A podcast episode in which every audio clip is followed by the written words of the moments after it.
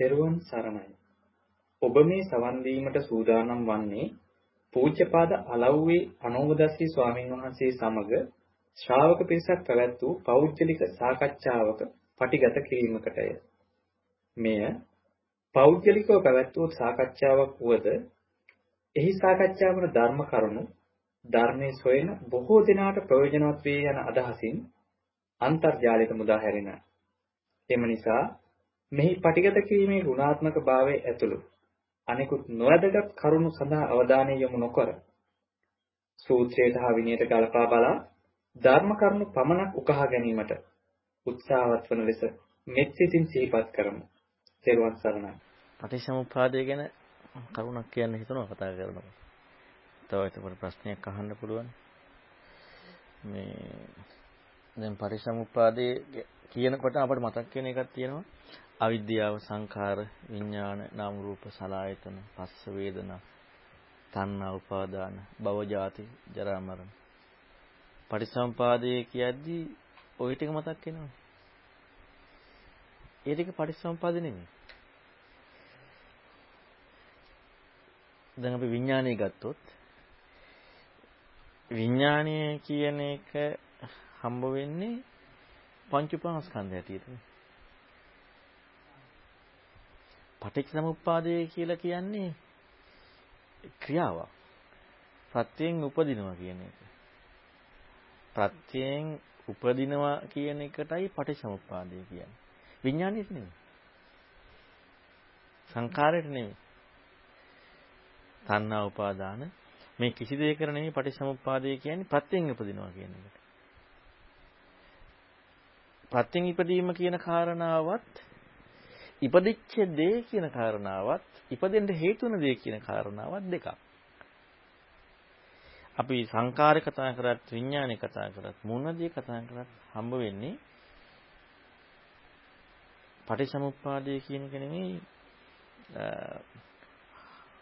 හම්බ වෙන යමක්. ඒ කියන්නේ යම්කිසි නිර්වචනයක්. පටිසමුප්පාදය කියලා ඉදප්පච්චේතාවේ කියලා මේ හැම එකම කියන්නේ හොඳට බැලුවොත් ප්‍රත්‍යයෙන් උපදිනවා කියන එකයි. ප්‍රත්‍යයට හෝ ඉපදිච්ච දෙයක් නෙමෙයි. ප්‍රත්‍යයට හෝ ඉපදිච්ච දෙයක් නෙමෙයි කියන්නේ ප්‍රත්‍යයෙන් උපදිනවා කියන එකට. පටිච්ච සමුප්පාදේ ප්‍රත්‍යයෙන් උපදිනවා. අපි ප්‍රත්‍ය පැත්තට ගියොත් ප්‍රත්‍ය හම්බෙලා. ඉපදිච්ච පැත්තට ගියොත් ඉපදීම හම්බෙලා. ප්‍රත්‍යයෙන් ඉපදීම හම්බෙලා නැහැ. ප්‍රත්‍යයෙන් ඉපදීම හම්බුණා නම් ප්‍රත්‍ය පැත්තටත් ඉපදීම පැත්තටත් දෙකම හම්බෙන්න විදියක් නැහැ. ඒ විතරක් නෙමෙයි දැන් මම මෙහිම කාරණාවක් කිව්වා මේ ළඟදී. දැන් අපි පටිසමුප්පාදය කියලා උපාදානෙ හොයනවා කියන්නේ. උපාදානෙ හොයනකොට නම් අපට දැන් ඔන්න තියෙනවා මේ උපාදානෙ හොයාගෙනදී ආයතන තව ඉස්සරහනේ තියෙන්නේ. උපාදානයන්නේ ආයතනෙන් කියන කාරණාවට අපට යන්න පුළුවන්. දැන් විඥානීය හොයනකොට අපට උපා ආයතනයක් දාගන්න බෑනේ. ඒ විඥානීය කියනකොට ආයතන පහු කරගෙන ඉන්නේ. ඒතර විඥානීය කියනකොටත් දැන ගැනීමනේ. ඒතකොට ඒක ආයතනයකින් නෙමෙයිද වෙලා තියෙන්නේ. දැන් අපට අර තියෙන දේ තමයි මේ ඒ ඉගෙනගත්ත දැනුමේ කියලා දුන්න කාරණාව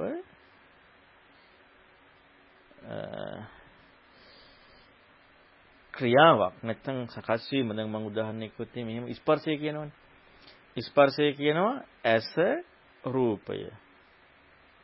දැන ගැනීම එන්නේ හොඳට හිතන්නකෝ විඥාන කියන්නේ දැන ගැනීමටනේ ඇස රූපේ දැන ගැනීම ආයි විඥාන කතා කරන්න දෙයක් නැහැ. ඇස රූපේ දැන ගැනීම කියනකොට විඥාන කතා කරලා. දැන ගැනීම කියන්නේ විඥානයට. දැන් අපි ඒ කාරණාවෙන් කතා කරොත් අපට අහපව් විඥානයේ කියන වචනේ දාන්න ඕනේ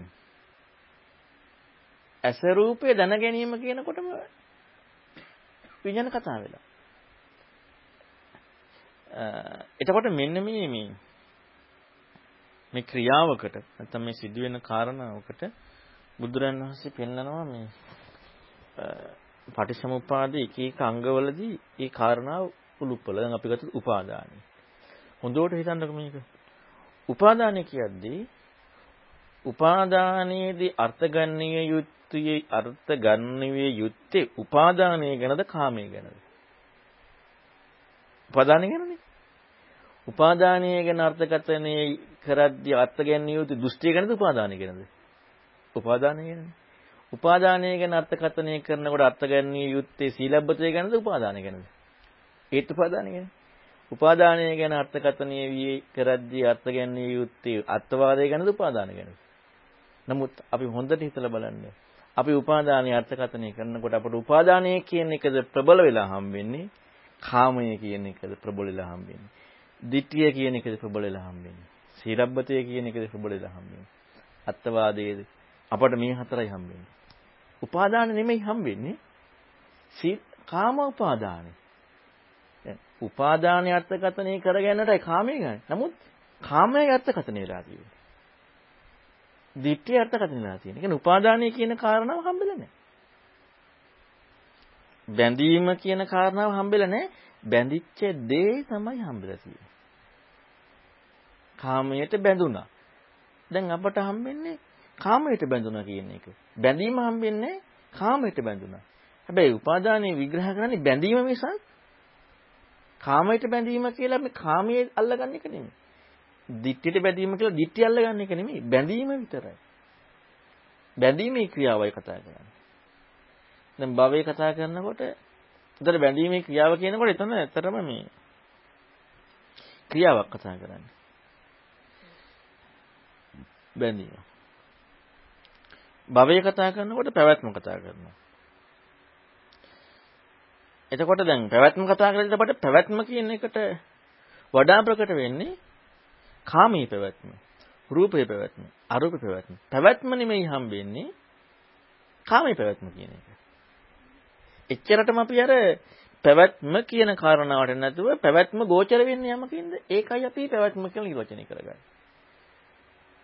දැන් අපි ගත්තොත් ආයතනයේදී පටිසම්පාදේ ආයතනය විග්‍රහ කරනවා ස්කන්ධ 15 ಜಾති පටිලාභේ නැත්නම් ආයතන පටිලාභේ ಜಾතිය කියනවා.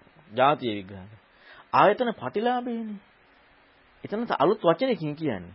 ආයතන විතර නෙමෙයි කියන්නේ. ආයතන ප්‍රතිලාභය. ඒ කියන්නේ ආයතනය ලැබුණා කියන එක කියන්නේ. ಜಾතිය කියනකොට. ආයතනයක් ලැබුණා. අතන කතා කරන්නේ සලායතන කියලා. මෙතන කතා කරන්නේ ආයතනයක් ලැබුණා කියලා. කන්දානම් පාතු භවෝ කියන්නේ. අතන කතා කරන්නේ ස්කන්ධ කතා නිස්කන්ධ. නමුත් ජාති කතා කරනවා ස්කන්ධය පාතු භාවය වුණා කියලා. එතකොට අර ලැබීමක් ගැන කතා කරනවා. හම්බවීමක් ගැන කතා කරනවා.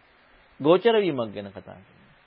නමුත් පටිච්චසමුප්පාදේ කතා කරන එකකවත් එහෙම කතා කරන්නේ හැම වෙලෙම පටිච්චසමුප්පාදේ කුළු ගන්නලා පෙන්වන්නේ ඒක මේ වගේම පුංචි උදාහරණයක් කියන්නම්කෝ. මම වාහනේ උදාහරණයක් ගන්නම්කෝ. දැන් ඔන්න මං වාහනේ මාතලයට යන්න වාහනේට නගිනවනේ. වාහනේට නගිනකොට එන්ජින් එකේ ක්‍රියාකාරීත්වයෙන් රෝද කරගෙනවා. එන්ජින් එක ක්‍රියාත්මක වුණා කියලා යන්නේ නැහැ. එන්ජින් එක ක්‍රියාත්මක වීමෙන් රෝද කරකින්න ඕනේ යන්න. රෝද කරකින්නේ එන්ජින් එක ක්‍රියාත්මක වුනේ නැත්තම්. නිකන් රෝද කරකින්නෙත් නැහැ. එතකොට එන්ජින් එකේ ක්‍රියාකාරීත්වය හේතු වෙනවා රෝද කැරකීමට. රෝද කැරකන් කැරකෙන්නේ එන්ජින් එකේ ක්‍රියාකාරීත්වය. මේ දෙකේම ක්‍රියාකාරීත්වයක් ගැන කතා කරන්නේ. එතකොට මේ රෝද කියන එක නෙමෙයි. රෝද කැරකීම කියන්නේ. එන්ජින් එක කියන එක නෙමෙයි. එන්ජින් එක ක්‍රියාත්මක වීම කියන්නේ. එන්ජින් එක ක්‍රියාත්මක කරනකොට රෝද කැරකෙනවා. එතකොට යනවා. රෝදේ කියලා ගත්තා කියලා හරියන්නේ නැහැ. රෝදේ එක එක සයිස් තියෙන්න පුළුවන්. රෝදේ කියලා ගන්න නැත්නම් රෝදේ කැරකීම කියන එකට. එතකොට මේ දෙකේ සම්බන්ධයක් වුණාට පස්සේ තමයි යනවා කියන කාරණාව හම්බෙන්නේ. ගමන් කරනවා කියන කාරණාව.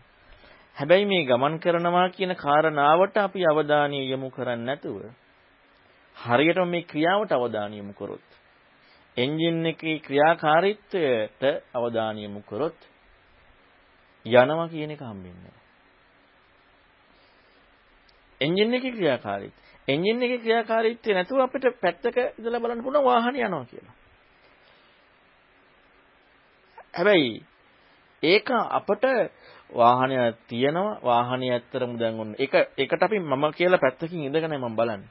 හැබැයි මම කියලා පැත්තකින් ඉඳගන්න නැතුව වාහනේ විතරක් බලන්න කිව්වොත් වාහනයට යනවා කියලා හම්බෙන්නෙත් නැහැ. එන්ජින් එකේ ක්‍රියාකාරීත්වයෙන් රෝද කැරකෙනවා කියන කාරණාව හරියටම දැක්කොත්, ඒ කියන්නේ එන්ජින් එක ක්‍රියා කරලා ඒකින් රෝද කරගෙන්නට අවශ්‍ය පසුබිම දෙනකොට ඒ ක්‍රියාකාරීත්වයෙන් රෝද කරගෙනවා. ඒකෙන් ගමනයක් හම්බ වෙනවා. හැබැයි මෙන්න මේ කාරණාව දැක්කොත් එහෙම එන්ජින් එක ක්‍රියා කිරීමනොත් රෝද කැරකීමනොත් ඒ දෙකෙන්ම ඒ දෙකම හිස්. ඒ දෙකටම හිම සම්බන්ධයක් නැහැ. මෙන්න මේ වගේ මම පොඩි උදාහරණයක් පොඩ්ඩක් ගැලපෙයිද කියන්න බෑ. පටිසමුප්පාදයේදී හැම අංගයක්ම කතා කරන්නේ යම් ක්‍රියාකාරීත්වයක්. අපේ භාෂාවෙන් අපේ වචන වලින් අපි මේකට අර්ථය ගත්තේ නැත්නම් අපට මේක අලුත් දෙයක් වෙනවා. සංඛාර කියලා සකස් වෙනවා කියනකොට සකස් වෙනවා කියන එක සංඛාර කියනවා මිසක් සකස් වෙච්ච දේ කියන එක සංඛාර නෙමෙයි. දැන ගන්නවා කියන එකට විඥානය කියනවා මිසක් දැනගත්ත දෙයට නෙමෙයි විඥානය කියන්නේ. දැන ගන්නවා කියන එකට. විඳිනවා කියන එකට වේදනාව කියනවා මිසක් විඳපු දේ නෙමෙයි කියන්නේ. එතකොට ඔය හැම එකම කතා කරන්නේ නාම රූපේ කතා කරන්නේ. නාම රූපේ කියද්දි වේදනාව, විඳීම, හැඳිනීම, සකස් වීම. ඊළඟට ස්පර්ශය, රුප්පණය. එතකොට මේ ක්‍රියාව කතා කරලා එතන කතා කරන ක්‍රියාව. කොහෙන් කතා කරක් කතා කරන්නේ මේ ක්‍රියාව. මෙන්න මේ ක්‍රියාව එක බලනකොට අපට ක්‍රියාව විතරක් හම්බ වෙනවා නම් ක්‍රියාවෙන් ලැබෙන දේෙන් හිස් වෙනවා. මෙන්න මේක හරියටම දකිනකොට කියන්නේ දැන් අපි හිතමුකෝ මෙහෙම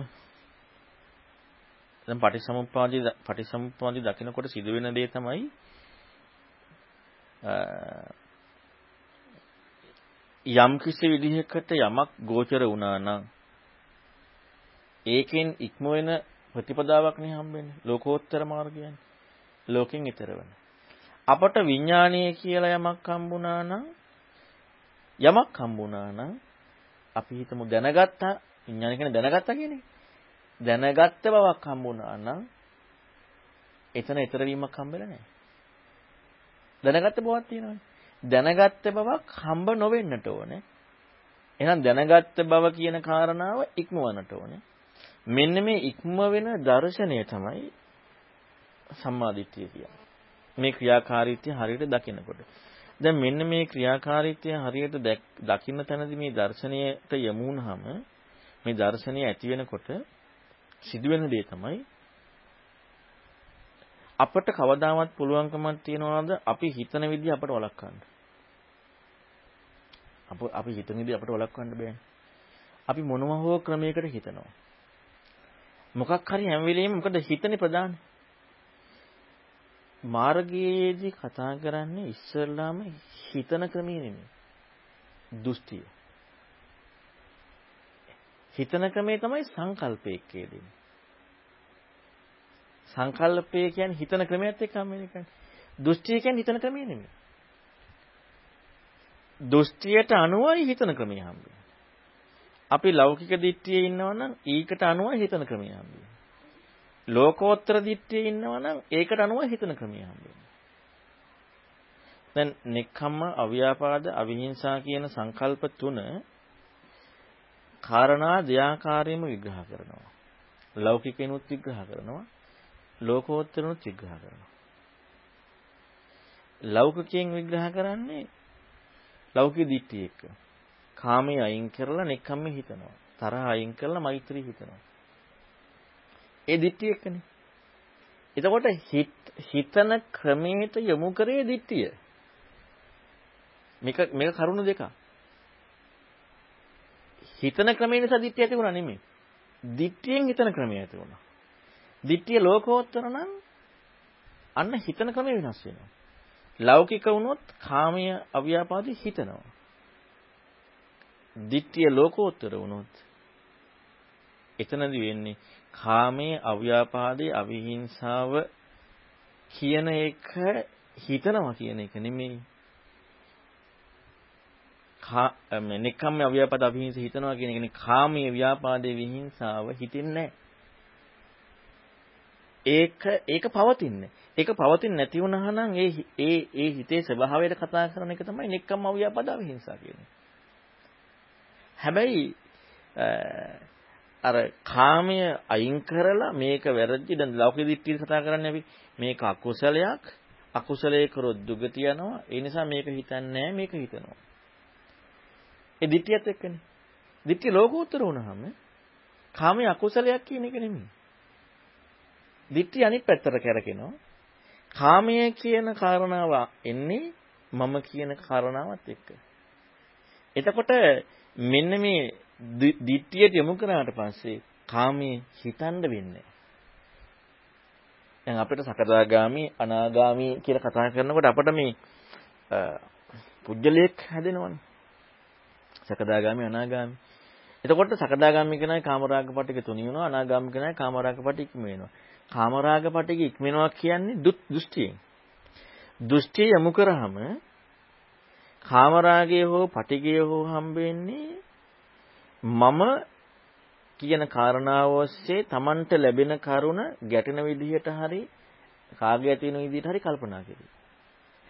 දෘෂ්ටි යමු කරාට පස්සේ අර විදිහට අතහරිනව නෙමෙයි මේක වැරදි කියලා. දෘෂ්ටි යමු කරාම හම්බ වෙනවා වැරද්දක්. මම කියලා ගැනීම වැරද්ද.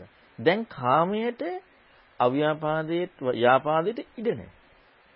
ඒක හැදෙන්නේ ඒක සකස් වෙන්නේ. ඒක සකස් නොවන නිසා ලෝකේ කතා කරන්නේ එහෙනම් නික්කම්ම ව්‍යාපද අවිහිංසානේ.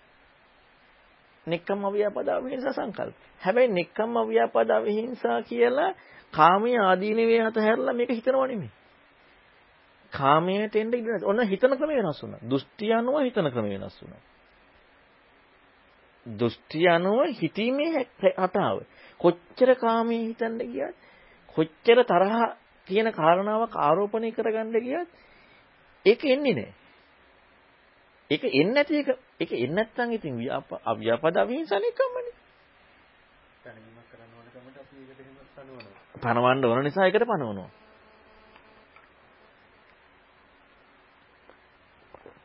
ගැනි කාමේ නැතිවීමට අව්‍යාපාදනය කියන්නේ දැන් නැති වෙච්ච ක්‍රමය වෙනස් වෙන්නේ. අතන නැති වෙන්නේ වැරදි නිසා අයින් කරනවා. ඒක අතහැරලා මේක අල්ලගන්න. මෙතන වැරදි නිසා අයින් කරනවා නෙමෙයි. ඒකට ඉඩ නැහැ. ලෝකයේ ඉක්මවන්න අපි සක්කාය දිට්ඨිය තියන්න උත්සාහ කරනවා සක්කාය දිට්ඨිය ගැලවෙන විදිහට උත්සාහ කරනවා. සක්කාය දිට්ඨිය තියන්න උත්සාහ කියලා තමයි අර අර කඩන කායක් අල්ලගන්නේ.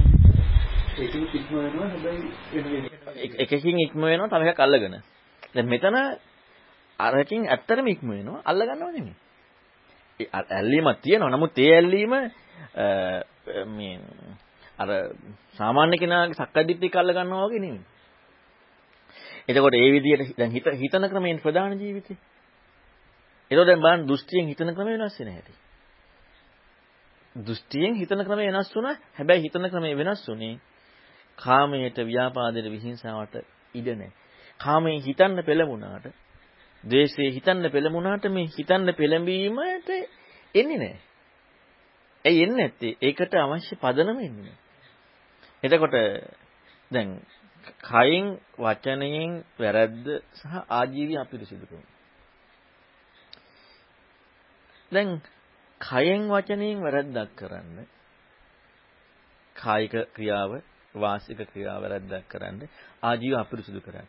මේකට මේවා වැරදි නිසා කෙනෙකුට අයින් කරන්න පුළුවන්. ප්‍රාණඝාතය, හොරකම්, බොරුව, කේලම, හිස් වචනේ වැරදි ජීවිතයේ වැරදි නිසා අයින් කළා හොඳට යන්න පුළුවන්. කාමය ඒ කියන්නේ ඊළඟට මේ වැරදි කමසේ නැත්තම් මේ ප්‍රාණඝාතයේ වචනෙන් කරන වැරද්ද ආජීවය. මේ විදිහට මේක වැරදි විදිහට කරන්නේ ඇයි මට ප්‍රතිලාභයකටනේ. මේක වැරදි විදිහට කරන්නේ මට ප්‍රතිලාභයකට. දැන් දෘෂ්ටිය දැන් අතනදී මට මේක අකුසල් නිසා මම ඒව අතහැරලා කුසල් පැත්තට යනවා. දෘෂ්ටිය ලෝකෝත්තර වුණාම දැන් මේවා කරන්නේ මට මොන හරි ගන්නනේ. කාමයේ මොන හරි කර කාමයේ මේ ප්‍රාණඝාතය ආදී කයින් වචන වැරදි කරන්නේ. ඊළඟට බොරු ආදී වචනින් වැරදි කරන්නේ. ආජීවී ආදී අපරිසුදු කරන්නේ මට මොන හරි කරන්නේ. එතකොට මේ මේ දර්ශනීය එක මේ කයින් වචනෙන් ආජීවය දිහා බලනකොට මොකද වෙන්නේ? මෙන්න මේකට එන්න ඉඩ නැති වෙනවා. මේකට එන්න ඉඩ නැති වෙනවා අයින් කරලා වෙන එකක් අල්ල ගන්නවා කියන එක. ඔන්නෝක මහා චත්තාල සූත්‍රය පැහැදිලි කරන්නේ. ඔව් පටිවිරත කියලා. මේකෙන් මේක එන්නේ නැහැ. මේක අල්ල ගන්නවා කියන්නේ. නමුත් ලෞකික සම්මාදිට්ඨියේදී වැරදි එක අතහැරලා හරි කල්ල ගන්නවා. ඒ මට හොඳ දේ ලබා ගන්න. මෙතනදී මට හොඳ දේ ලබා ගන්න නෙමෙයි. මම කියන එක යෙදෙන්නේ නැති වෙනකොට මේ වැරද්ද සම්පූර්ණයෙන් තියෙන්නේ මගේ ජීවිකාවට. ඔන්න මේ කරුණු තුන එන්නේ නැහැ. එතකොට දෘෂ්ටි අනුව සංකල්ප වෙනස් වෙනවා. දෘෂ්ටි අනුව කයින් වචනෙන් වැරද්ද වෙනස් වෙනවා. ආජීවී පිරිසිදු වෙනවා. දැන් සෝවාන් වලින් දැන් අනාගාමී වෙනකන් ඒ ඒ අතර උත්තර සංඝංශ දෘෂ්ටිය දැන් මම මම කියන දෙයක් ගැනීමක් නැති වුණාට කාමරාග පටික තියෙනවනේ. එතන සංසෝලනයේ කාමරාග පටික දිහා බලන්නට ඕනේ දැන් සෝතාපන්න වෙච්ච පමණින් සකදාගාමි මාර්ගේ නෑ. ඒ කියන්නේ සෝතාපන්න වෙච්ච කෙනා සෝතාපන්නයි.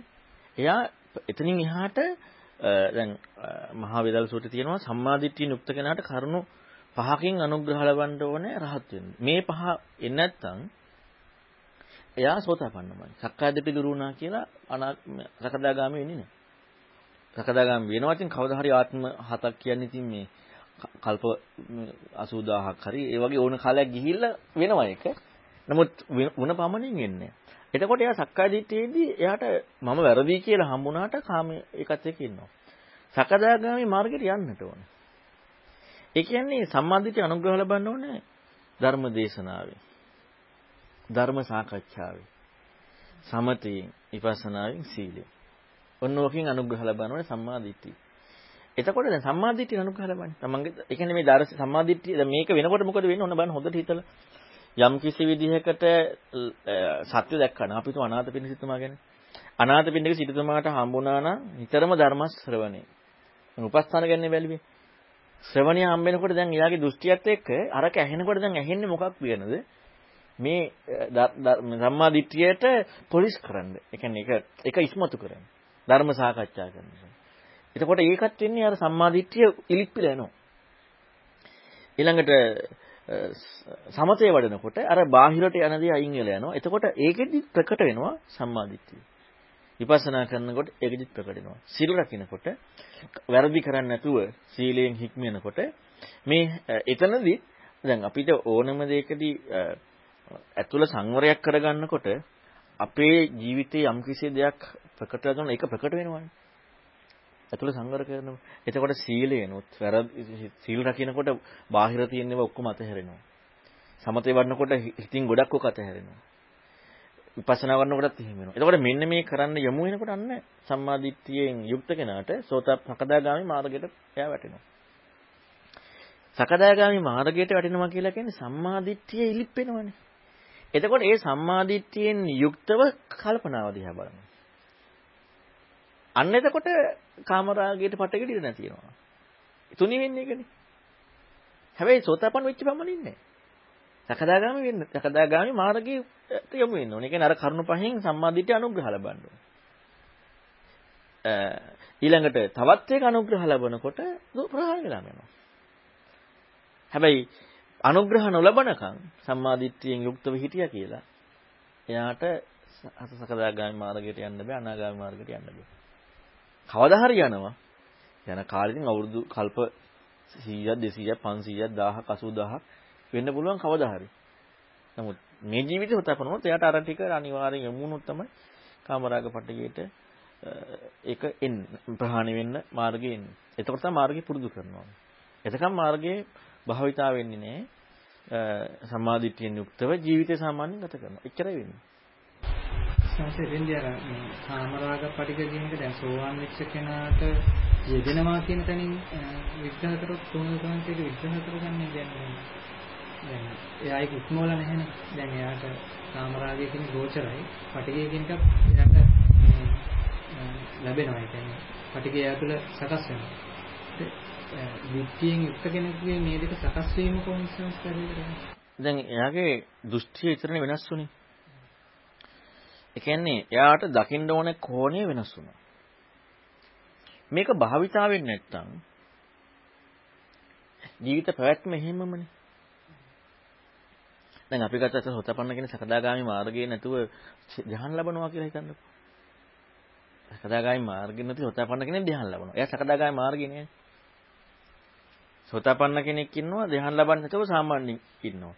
එතකොට එයා හුරු එයාගේ ජීවිතේ එයා යම් කිසි පැවැත්මක් කරගෙන ආවනේ. හිතන ක්‍රමයක්.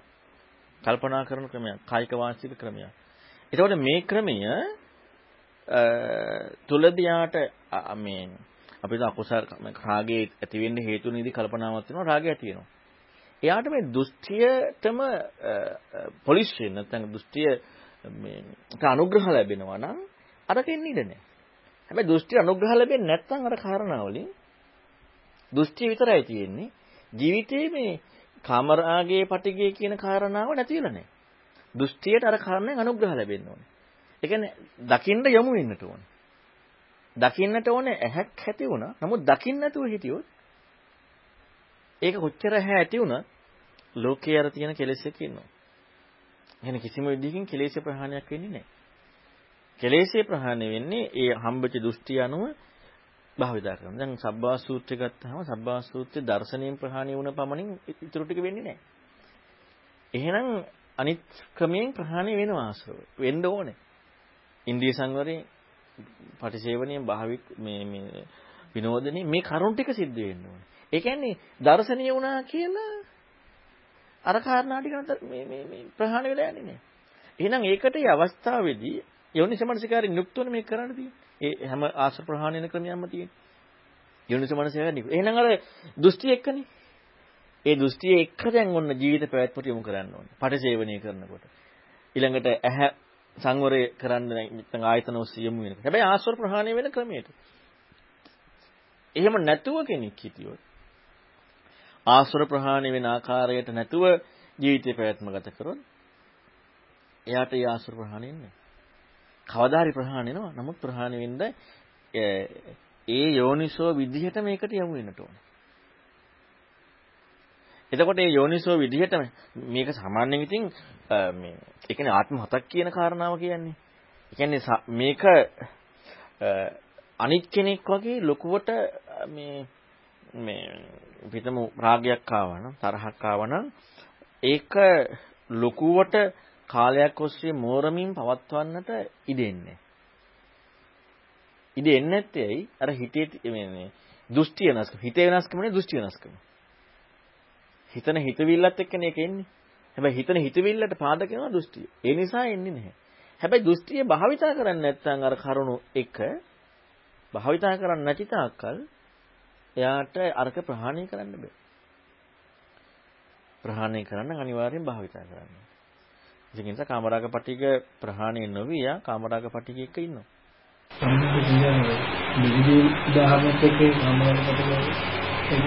එතන නම් අවශ්‍ය නැහැ ඒකට. මොකද එතන සෝතාපන්න වෙච්ච කෙනානේ. එතකොට දැන් බුදුරජාන් වහන්සේගේ උපදේශ යට ඕනේ උපදේශ නැතුවත් එයාට කරන්න පුළුවන්. අරක අවශ්‍ය වෙන්නේ යෝනිසමනසිකාරයේ ඉපදීම කියන එක ඒ සෝතාපන්න වීම සඳහා. එතනදී තමයි අපිට නොහැටෙන දෙයක් හම්බෙන්නේ. අතනදී අරකම පොලිස් ඒ කියන්නේ දැන් Taman තුල ඒ කියන්නේ අපි හිතමු මැනිකක් තියෙනවා. මේ මැනිකේ වටිනාකම වැඩි කරගන්න ඒක හොඳට හැඩ කපලා අවශ්‍ය විදිහට සකස් කරගන්නවා. ඒක දැන් මල් ළඟ තියෙන මැනික. ඒක වටිනාකම වැඩි වෙන්නේ ඒක ලස්සනට පවට්ටම් කරාට පස්සේ. එතකන් ඒක වටිනාකම එන්නේ නැහැ. ඒකටයි මේ දෙක මැනිකක් ලබා ගන්න නෙමෙයි. මැනික උපමට්ටම් කරගන්න. තියෙන තියෙන මැනික.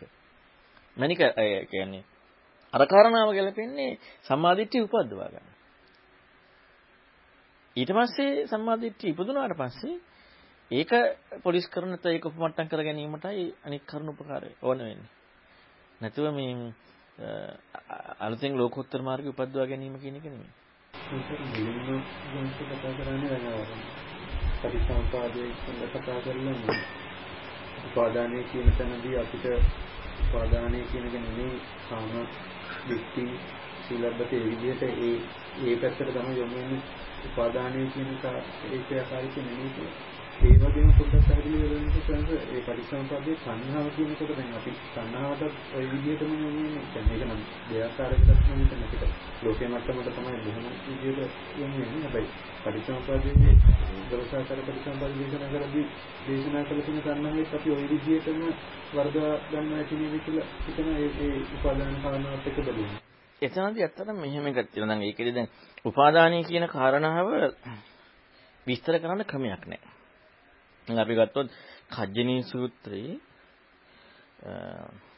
පංචපාස්කන්ධය ගැන විග්‍රහ කරනවානේ උදාහරණයක් දීලා මොකද වෙන දෙන්න ක්‍රමයක් නැති නිසා රුප්පණය වීමට රූපය කියනවා අරගෙන කය උණුසුමින් වෙනස් වෙනවා කියන කාරණාව පෙන්වනවා. හැබැයි කය උණුසුමින් වෙනස් වීම කියන එකට නෙමෙයි රූපය කියේ රුප්පණය කියන එකට. නමුත් අපට හම්බෙන්නේ කය හම්බ වෙනවා උණුසුමින් වෙනස් වෙනවා කියන එක හම්බ වෙනවා. උණුසුමයි කයයි ওই දෙකනේ. එතකොට කය කියන කාරණාවට එනවා. වේදනාව විඳිනවා කියන අදහසට කියන්නේ. විඳින්නේ මොකද්ද කියන එකයි කියන්නේ. එතකොට අර ඒකෙදි මොකක් හරි එකක් එතන දෙනවා. එතකොට දැන් උපාදානීය කියනකොට බැඳීම කියනකොට ඒ බැඳීම කියන කාරණාවට යම් කිසි දෙයක් ලං කරගෙන පෙන්වා දෙනවා. බැඳීම කියන එකට. ඒ කියන්නේ බැඳීම කියන කියාව මේකයි කියන එක. දැන් අපට හොඳට හිතලා බැලුවොත් මම ඔක වේදනාවෙම කියන්නම්කො වේදනාව ගොඩක් ඔකට ප්‍රකටයි. වේදනාව කියන්නේ සැප දුක දුක්ඛම සුඛට නෙමෙයි විඳිනවා කියන එකට. වේදේ තීතිකෝ භික්ඛවේ තස්මා වේදනාති උච්චති. විඳිනවා විඳිනවා කියන අර්ථයටයි වේදනාව කියන්නේ. විඳින්නේ මොකද්ද සැප දුක දුක්ඛම සුඛ. විඳින්නේ මොකද්ද සැප දුක දුක්ඛම සුඛයි. හැබැයි වේදනාව කියන්නේ සැප දුක දුක්ඛම සුඛ කියන එක නෙමෙයි විඳිනවා කියන එකට. එතකොට ඔක පටිසමුප්පාදෙද කියලා දෙනවා. පටිසමුප්පාද සැප දුක දුක්ඛම සුඛ කියන්නේ නැහැ. විඳිනවා කියන එකයි එතන කතා කරන්නේ. ඒ සැප දුක දුක්ඛම සුඛ කතා කරනවා නම් ඒ විඳීමේ ක්‍රියාව නෙමෙයි හම්බුනේ. විඳපු දේ ලැබිච්ච දේ. විඳිනවා කියනකොට චක්කු සම්පස්සජා වේදනා. විඳිනවා කියන එක කතා කරේ. සෝත සම්පස්සජා වේදනා. සැප දුක දුක්ඛම සුඛ කතා කරන්නේ ඒ වේදනාව කතා කරනවා. එතකොට තණ්හාවත් ඔය විදිහට ගත්තොත් අපට තණ්හාව කියනකොට අපට ප්‍රබලව මතක් වෙන්නේ කාම තණ්හාවනේ. දැන් අපි ටිකක් කතා කරලා දන්නවා භව තණ්හාව, විභව තණ්හාව කියන එක යම් මට්ටමකට හම්බ වෙනවා. භව කියලා යමක් හම්බ වෙනවා. දැනගත්තා මොකක් හරි විඥානාති වුණා නම් යොන්න යම් කිසි දෙයක් හම්බුණා. ඒකට භව තණ්හාව. එතකොට හම්බ වීමටනේ භව තණ්හාව කියන්නේ. තණ්හාව කියලා කතා කරේ. කාම තණ්හාව කාමයට කතා කරා. භව තණ්හාව කතා කරේ හම්බ වීමටනේ. හම්බ වුණේ හම්බ වීම නිසානේ. නේ? හම්බ වුණේ හම්බ වීම නිසානේ. ඉබේ හම්බෙන්නේ මම කරෙත් නෑනේ. දෙයම වෙවෙත් නෑ. හම්බ වුණේ හම්බ වීම නිසා. ඒ කියන්නේ යම් ක්‍රියාවක් නිසා හම්බ වුණේ. අපට තණ්හාව කියදී දැන් කාම තණ්හාවෙන් අයින් වෙලා භව තණ්හාව කියදී අපට මතක් වෙන්නේ හම්බෙච්ච දෙන්නේ. දැන් මම නිතරම කියන්නේ ඔකත් තණ්හාවනේ. ඔය හම්බුණානේ. හම්බුණ දෙයට මේ කතා කරේ. හම්බ වීම කියන ක්‍රියාවට නෙමෙයි හම්බෙච්ච දෙයට. බලන්න බුදුන් වහන්සේ පටිච්චසමුප්පාදී භව තණ්හාවක් කතා කරන්නේ රූප තණ්හා, සද්ද ගන්ධ බොට්ටබ්බ ධම්ම තණ්හා. දැන් එතන අර තණ්හාවේ ක්‍රියාව උලුප්පන්නේ. ක්‍රියාවෙන් ලැබිච්ච ප්‍රතිලාභය නෙමෙයි තණ්හාවේ ක්‍රියාව. දැන් ඒකට ඒ ඒ කාරණාව ප්‍රකටයි. දැන් එන්නෙන් අවසානෙට යනකොට දැන් දෙන්න පුළුවන් ප්‍රකට හැම එකක්ම දෙනවා. නමුත් දෙන්න බැරි අවස්ථාවක් තියෙද්දි ඒකට අදාළ කාරණාවෙන් දෙනවා. කාම උපාදානෙ, ditthi උපා උපාදානනේ කියන්නේ. ඒතර උපාදානයේට ඒක කියනවා දැන් ඇත්තටම ගත්තොත් එහෙම මේ ඒ කරුණු ටිකේදී නම් ඒ උපාදානත් යම් යම් ක්‍රමයකට උපාදාන වීම දුර වෙලවානේ රහත් නොවිත් රහත් නොවිත් උපාදාන දුරු වීම තියෙනවානේ එතකොට නමුත් උපාදාන දුරු වෙන්නේ නැහැ. උපාදාන වීම යම් කිසි විදිහකට යම් යම් දේවල් දුරුනාට උපාදාන දුරු වෙන්නේ. පැවැත්මත් යම් කිසි විදිහකට දුරු වෙනවා. නමුත් පැවැත්ම සිදුවෙන ආකාරය දුරු වෙන්නේ පැවැත්ම ලැබෙන එක දුරු වෙනවා. කාම පැවැත්ම ලැබෙන්නේ කාම පැවැත්ම ලැබෙන්නේ. පැවැත්ම ලැබෙන්නේ නැහැ නෙමෙයි කාම පැවැත්ම ලැබෙන්නේ. පැවැත්ම ලැබීම කියන එක නැති වෙලා නැහැ. කාම පැවැත්ම ලැබෙන්නේ. එතකොට ඒ වගේ ඒ තණ්හා උපාදාන භව ජාති ජරා මරණ මෙන්න මේ කාරණා ටික ඇතරම ජාති ජරා මරණ කියනකොට අපිට ප්‍රකට වෙන කාරණා සම්පූර්ණයෙන් කතා කරන්නේ. නමුත් ඒකෙදිත් එකක් තියෙනවා. ජාතිය කතා කරනකොට ජාතියදි කියන්නේ ජාති ඉපදීම සංජාති විශේෂයෙන් ඉපදීම. කන්දානම් පාතු භාව ආයතනානම් පටිලාභෝ. මේ හැම එකම කතා කරනවා මේ ඒ ක්‍රියාව කතා කරද්දී ක්‍රියාවක් නේ. කන්දානම් බෙහෙදු කලේබරස්ස නික්ඛේපෝ ජීවිත ඉන්ද්‍රිය සූපච්ඡේදෝ. එතකොට මේ ක්‍රියාවක් ඒ කියන්නේ යම් ක්‍රියාවක් නේ කතා කරන්නේ. අපි හොඳට බලන්න මැරෙන්නේ ඉබේද? දැන් අපිට දැන් එකපාරට හබක් ගාලා මැරෙනවා වගේනේ හැබැයි මැරෙන්නේ ඒට අදාළ ක්‍රියාවක් සිදු වෙච්ච නිසා ඒකදී අපට ලැබෙන ප්‍රතිඵලය මැරුණා කියලා. කය වොන්න විදිලා ගියා. හැබැයි මැරුන්නේ ඉබේ නෙමෙයි.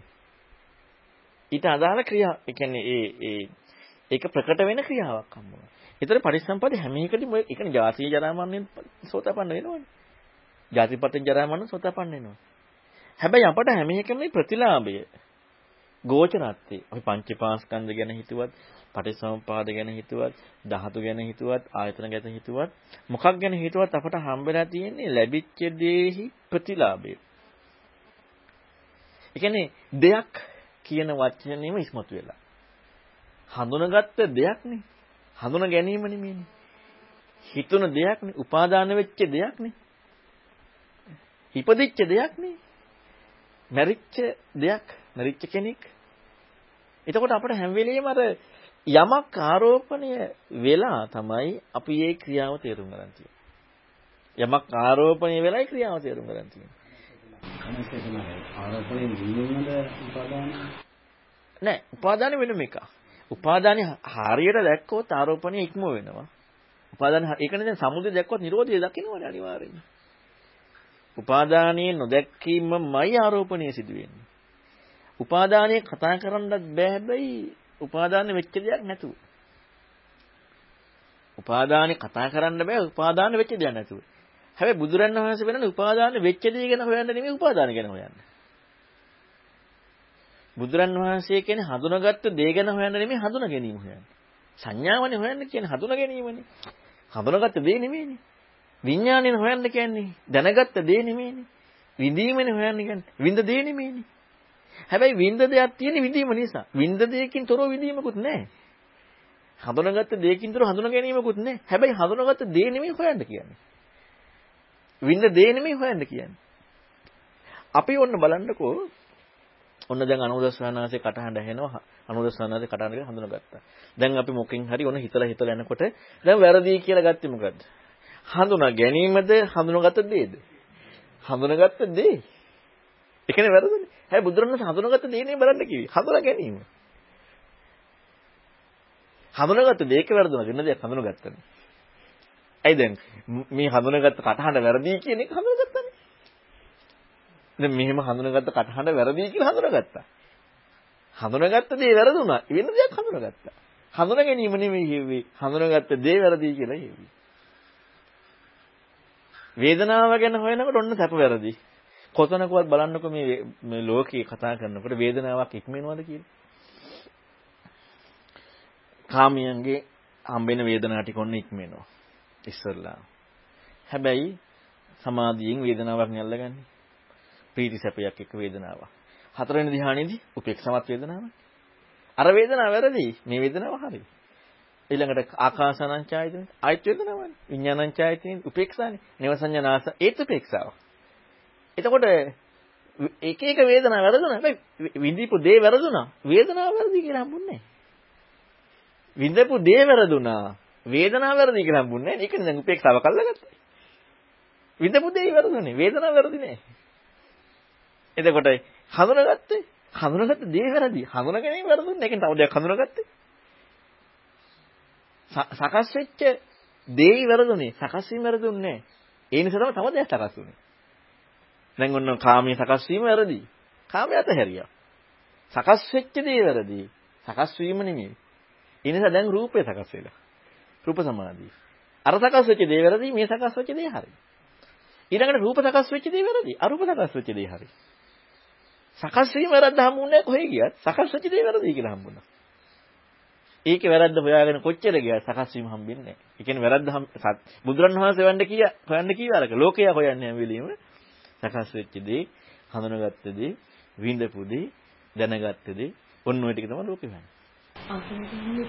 ඒකකට රූපේ දැන් අරූපයට යනවා දැන් ඒක වැරදි කියලා. එතකොට අරූපයක් විඳිනවනේ අපි දන්නේ නැහැ ඒකකට. අරූපේ සකස් වීමක් කියලා අරූපේ සකස් වීමක් බව දැන් අත්‍තරම අරූපේට වඩා ඔක බලන්න වෙනවා අසඤ්ඤය. මොකද අසඤ්ඤය කියලා කියන්නේ සංඥාවක් නැහැ කියන එක. ඒක හම්බෙන්නෙම නෑ. හඳුනගන්න දෙයක් නැහැ කියලායි හම්බෙන්නේ. හඳුන ගැනීමක් නැහැ කියලා. දැන් අරූපේ නම් ආකාශය කියලා හරි හඳුන ගැනීමක් තියෙනවා. විඥාන අනන්තය කියලා හඳුන ගැනීමක් තියෙනවා. නමුත් අසඤ්ඤයට හඳුන ගැනීමක් නැහැ. හඳුන ගැනීමක් නැහැ කියන කාරණාව ප්‍රත්‍යක්ෂයේදී හඳුන ගැනීමක් හම්බෙන්නේ හඳුන ගැනීමක් නැහැ කියන ප්‍රත්‍යක්ෂයේදී හඳුන ගැනීමක් හම්බෙන්නේ නැහැ. ඒතර හඳුන ගැනීමක් හම්බුනේ නැති වුණාට ඒකට අසඤ්ඤයි කියන්නේ හඳුනා ගැනීම කියන ක්‍රියාව නැති වුණා නෙමෙයි. හඳුනා ගන්න කිසි දෙයක් හම්බුන්නේ හඳුනා ගන්න කිසිම දෙයක් හම්බුන්නේ ඒ නිසා මොකද වුනේ? හඳුනා ගැනීමක් නැහැ. හැබැයි හඳුනා ගැනීම නෙමෙයි හෙව්වේ. හඳුනා ගන්න කිසි දෙයක් හම්බුන්නේ කිසි දෙයක් හම්බුන්නේ නැති නිසා කිසි දෙයක් හම්බෙන්නේ නැති හඳුනා ගැනීමක් තියෙනවා. කිසි දෙයක් හම්බෙන්නේ නැති හඳුනා ගැනීම හම්බෙන්නේ නේ. ඒ හඳුනා ගන්න නියනේ. ඒ නිසා හඳුනා ගැනීම හොයන්නත් බෑ. ඈ? ඒ කාර්යෙන් අසුඤ්ඤයි. හැබැයි උනාට තාම බුදුරන් වහන්සේ කිව්ව කාරණාව හම්බෙන්නේ නැහැ. ඒක නිසා මේ සංගතනාසේ මුලින්ම දැන් සත්‍ය දිට්ඨිය දුරු කරන ප්‍රතිපදාවක් කියන්නේ දැන් ඒ කියන්නේ කෝණේ වෙනස් වීම තමයි දැන් ක්‍රියාකාරීත්වය දැක්කනම් ඔය ඒකත් එක පොදුයි. ඒ ක්‍රියාකාරීත්වය නොදැන කොච්චර ඉස්සරහට ගියත් යන්න බෑ. යන්න බෑ. යන්න බෑ. මුලාවක් වෙනවමයි වෙන්නේ. ඒ කියන්නේ යම් කිසි හරි ක්‍රමයකට අපි දර්ශනීය සුවිසුද්ධ නොවි ඒ කාලෙත් එහෙම වුණා. මේ කාලයකට 10000 කෝටි වරයක් වැඩි වෙනවා. ඒ කියන්නේ ඒ කාලෙත් දර්ශනීය සුවිසුද්ධ නොවි කමෙන් බුදුරණවහන්සේ බුදුරණවහන්සේගේ අවවාදයේ දෙවියන්ට කියනවා නෑ කමරාගේ නෙමෙයි දුරු කරන්න සක්කාය දිට්ඨිය. සක්කාය දිට්ඨිය දුරු කරන්න දෙයක් යොමු වෙන තාක්කල් බුදුරණවහන්සේගේ අනුශාසනාව හම්බෙලා නැහැ. සක්කාය දිට්ඨිය දුරු කරන්න ප්‍රතිපදාවක් හම්බෙන්න තාක්කල් බුදුරණවහන්සේගේ අනුශාසනාව හම්බෙලා නැහැ. එතකන් හම්බුනේ ලෝකීයයි අනුශාසනාව. ලෝකීය කාමරාගය දුරු කරනවා කියන කාරණා. දෘෂ්ටියමයි. ඒ කියන්නේ ඒතකම් බුදුරණවහන්සේගේ දේ හම්බුන්නේ නැහැ. දැන් බලන්නකො අපි හැම වෙලෙම මම මේ දවස්වල කිව්වා මෙහෙම කාරණාවක්. දැන් අපි හොඳට හිතන්නකෝ. අපි විදර්ශනා කරලා කරනවා කියලා කරන වැඩින්. විදර්ශනා කරනවා කියලා කරන්නේ ඇත්තම හටගන්න හැටි හොයන එක නෙනේ. වෙන එකක් නෙමෙයි.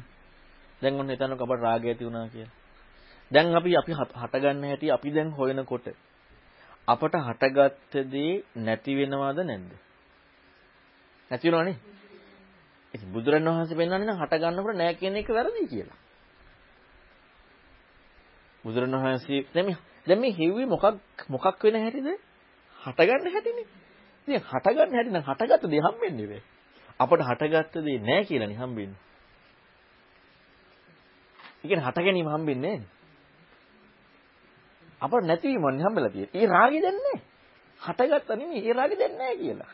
ඉතින් හට ගැනීම හොයද්දි නෑ දුරු වෙන්න ඕනේ. එහෙනම් රාග නැති වෙන්න බෑ. අපට හට ගන්නකොට රාග නැති වෙනවා. හට දැන් ඒ කියමුණ ගැලපෙන්නේ නෑනේ. හට ගන්නකොට රාග නැති වෙනවා. ඉතින් හට ගන්නකොට රාග නැති වෙන්නේ කොහෙද? නැති වෙන්න බෑ. නමුත් අපි විදර්ශනා කරනවා කියලා හට ගන්න හැටි හොයනකොට අපට හට ගන්නකොට නැති වෙනවා. ඒ කියන්නේ මේ කියමන දෙක කියමන් දෙකම ගැලපෙන්නේ. හට ගන්න හැටි දකිනකොට නැති වෙලා. හට ගන්න හැටි දකිනකොට හට ගන්න යෝ නැති නැති වෙන්න බෑ. හටගන්න ඕනේ හටගන්න හැටි දකින්න නැති වෙන්න බෑනේ. සංසාරණයට දැන් මම මානසිකාරයක් මේක. ඔව්. ආ එයා ඒක කරන්නේ මානසිකාරයක් කියලානේ. එතකොට දැන් අර හට ගැනීමම කියන එක දකින්න බැරි දෙයක් නේද? අර ඒක ඒක ඒක අපේ යෝනිසමනසිකාරයන්නේ කරන්නේ. අපට මානසිකාරය. අපි මානසිකාරයන්නේ කරන්නේ. ඇත්තටම හට ගැනීම දැන් අපි විපස්සනා කරනවා කියලා කියන්න හොඳ නැහැ. කියන්නේ අපි කිව්වත විපස්සනා කරනවා කියලා ඇත්තටම බොරු කියන්නේ. අපි අඩුම යෝනිසමනසිකාරය කරනවා කියලා කියන්න හොඳ නැහැ. අපි විතරක කරනවා කියලා කියන්න ඕනේ නැද්ද? හටගත දේ නැති කරන්නේ. අපි කතා කරද්දී අපි විතරක කරනවා. අපි මානසිකාර කරනවා. ditthya suppadu විද්දා කරගන්න. සවදාපන්නේ නෙමෙයි. ඔව් කියා ගන්න පුළුවන්. මනසානුපෙක්කිතා කරනවා. අපි ditthya suppadu විද්දා කරගන්න මනසානුපෙක්කිතා කරනවා. මේ යෝනිසමනසිකාරය කරනවත් නෙමෙයි විපස්සනා විපස්සනා වචනේ ගව ගන්නවත් බෑ. යෝනිසමනසිකාරය කරනවා කියන එකත් කතා කරන්න බෑ. ඒක වෙනවනම් එයා සෝතප්පන්න මාර්ගී. යෝනිසමනසිකාරයේ යම් කිසි කෙනෙකුට උදා වුණා නම් එයා සෝතප්පන්න මාර්ගී. පසුසන්ත සම්මාදිට්ඨියට පත් වෙන කෙනෙකුට ওই කියනා වූ වේදනාව ඇත්තටම ඒ ආකාරයෙන් දැනීමක් නෑ නේද? සම්මාදිට්ඨියට පත් වෙලා නම් පහත් වෙලා නෑ. එතකොට අපි දැන් අර පටිච්චසම්පාදේ අපි කතා කරනා වූ වේදනාව. රූප සම්පස්න වේදනා, චක්ක සංස්කාර වේදනා ඒක ඒ ආකාරයෙන්ම දැක්කම දැනගන්නේ රහතන් වහන්සේ නමක් නෙවෙයි. නෑ ඒක කතා කරන්න බෑ රහත්ත්වයට එක්ක. ඒක ඉක්මනිලා. ඒ කියන්නේ රහත්ත්වය කියලා කතා කරනකොට එකක කතා කරන්න බෑ. ඒක කතා වෙන්නෙම සත්‍ය ඒ කියන්නේ ඇත්තටම දැන් මම අර ඊයේ බණේදි කිව්වේ අපි අපේ වචනින් හැම එකම භාවිතා කරොත් එහෙම දැන් අපි හිතමු දැන් අපි අපිට අපිට දැන් ඔන්න ඔයාලට හම්බ වෙනවා මගේ කටහඬේ සද්දේ හඳුනාගත්තා. සංඥා ස්පර්ශයෙන් හඳුනාගත්තා කියලා හම්බ වෙනවා. එතකොට අපිට හඳුනාගත්ත කාරණාව අපි වැරදි කියලා බලන්න යනකොට හඳුනාගත්ත කාරණාව අපිට හඳුනාගත්ත කාරණාවේ අඩුපාඩු ටික හොයාගන්න පුළුවන් මොන හරි කල්පනා කරන ක්‍රමයකට. ඒ කල්පනා කරන ක්‍රමෙ මොනවා හරි කියලා මම කිව්වේ ස්පර්ශයෙන් හටගත්තේ. මේ කල්පනා කරන ක්‍රමෙන් හඳුනාගත්ත කාරණාව නැති වෙන්නේ. හඳුනා ගැනීම හම්බෙද්දී දැන් අපි තුන් වේදනාව හම්බෙද්දී වේදනාව නැති වෙනව නෙමෙයි. දැන් දැන් අපට තියෙන වේදනාව වේදනාවේ හරීම සත්‍ය දක්වන වේදනාව නැති වෙන්නේ අපට ඕනැත්තේ. නැතිනේ වෙන්නේ. නැති වෙන්නේ නැහැ. දැන් හටගatti නැති වෙන්නේ කොහෙද? අපි දැක්කේ ලැබපු වේදනාවේ වැරද්දයි. එතකොට ඉතින් වේදනාවක් නැති වෙනවනේ. බුදුරණවහන්සේ පෙන්වන්නේ විඳීමේ වැරද්දයි. අපට හම්බෙන්නේ විඳපු දේ වැරද්දයි. නේ? විඳපු දේ වැරද්දනේ. අපි විඳපු දේ වැරද්ද ගැන හිතනකොට ඒ වේදනාවක් නැති වෙනවද නැද්ද? බුදුරණවහන්සේ කියන්නේ විඳීමේ වැරද්ද. විඳීමේ වැරද්ද හම්බෙද්දි වේදනාව නැති වෙන්නේ නැහැ.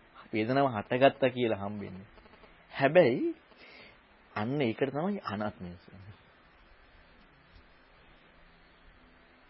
ඒ ක්‍රියාවේ දැක්මකට තමයි වේදනාව කියන ක්‍රියා ඒ ඒ ඒ වේදනාව ගැන ඒ පටිසම්පා චක්කු සම්පස්සජා වේදනා කියලා කියන්නේ අන්න ඒකට. ඒ කියන්නේ විඳපු දේ ගැන නෙමෙයි වේදනාව ගැන කියන එකයි. විඳපු දේ නෙමෙයි විඳපු දේ වැරද්ද හම්බුනොත් විඳපු දේ නැති වෙලා යනවා.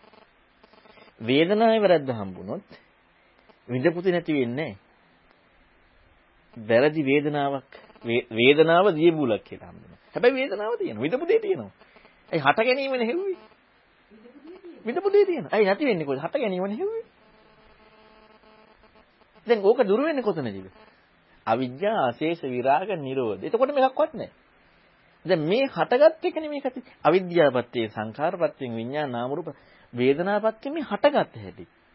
ඒක දුර වෙන්න බෑනේ. හටගත් හැටිනේ. අවිද්‍යාව ආශේෂ විරාග නිරෝධ වුණාට පස්සේ අන්න එතකොට මේ වේදනාවේ ක්‍රියාව හම්බෙන්නේ නැහැ. චක්කු සම්පස්සජා වේදනා කියන කාරණාව හම්බෙන්නේ නැහැ. ඇයි දුර වෙන්නේ අවිද්‍යාව නිරෝධයෙන් සංඛාර නිරෝධයි. සංඛාර නිරෝධයෙන් විඥාන නිරෝධ. ඒ කියන්නේ වේදනාවත් නිරෝධයි. මොන වේදනාව නිරෝධයි කියන්නේ එතනදී විදපු දේ නෙමෙයි. වේදනාව නිරෝධයි. අතන දැක්කේ වේදනාවේ ඇත්ත. වේදනාව කියන්නේ ක්‍රියාවයක්. හැබැයි නිරුද්ධුනේ නැහැ. ඒ කියන්නේ දැන් ඔන්න වාහනේ එන්ජින් එක ක්‍රියාත්මක වෙනවා. එන්ජින් එකේ ක්‍රියාත්මක දකින ගමන යනවනේ. ගමන යෑම නතර වෙන්නේ නැහැ. හැබැයි මම දකිනවා මම යන්නේ රෝද කරකිනවයි එන්ජින් එක ක්‍රියාත්මක වෙන්නේ කියලා. දැන් අපි කවුරුත් කියන්නේ මේ මම ඊයේත් ඔක කිව්වා. මම මාතලේට ගියාම වාහනේ නැගලා මම කොයි වෙලේවත් කියන්නේ නැහැ. දැන් කකුල් දෙකෙන් ඇවිදගෙන ගිහිල්ලා වාහනෙන් ඉඳගෙන ඊළඟට එන්ජින් එක ස්ටාර්ට් කරලා එන්ජින් එකේ ක්‍රියාකාරීත්වයෙන් රෝද ටික කැරකිලා රෝද කැරකීමෙන් පාර දිග ඒ රෝද කැරකීගෙන ඇවිදilla ඊළඟට මාතලේට ගිහිල්ලා රෝද කැරකීම නතර වෙලා ඊළඟට මම එතනින් බැහැලා දැන් මම වාහනෙන් බැහැලා මෙතන ආවා කියන්නේ. අපි කියන්නේ මම මම හොරන ඉඳලා ආවා කියලා. බොරුනේ කියන්නේ. අපි අර ඇත්ත කියන්නේ. අන්නේ ඇත්ත හම්බෙනවා. ඒතොර ඇත්තට මම යන්නේ. මම යන්නේ නේ ඇත්ත හම්බෙනවා. මොකක්ද ඇත්ත අර එන්ජින් එකේ ක්‍රියාත්මක වීම. එතකොට මම යනවා කියන එක සම්පූර්ණයෙන් බොරුවන්නේ. බොරුවක් වුණාටමයි යනවනේ. බොරුවක් වුණාම යන්නේ නැද්ද? දැන් මම මාතලෙට යනවනේ.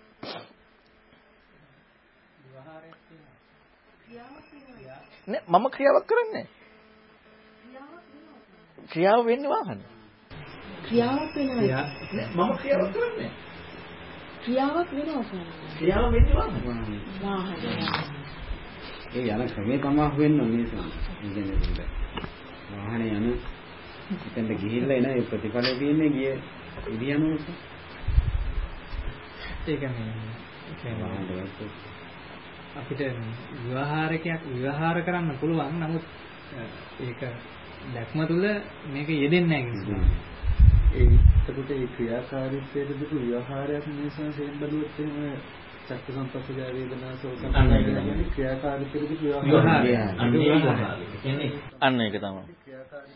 විවහාරය. අන්නේ විවහාරය. ඒ කියන්නේ ඒ තමයි එන්ජින් එක ක්‍රියාත්මක වෙනවා කියන විවහාරය.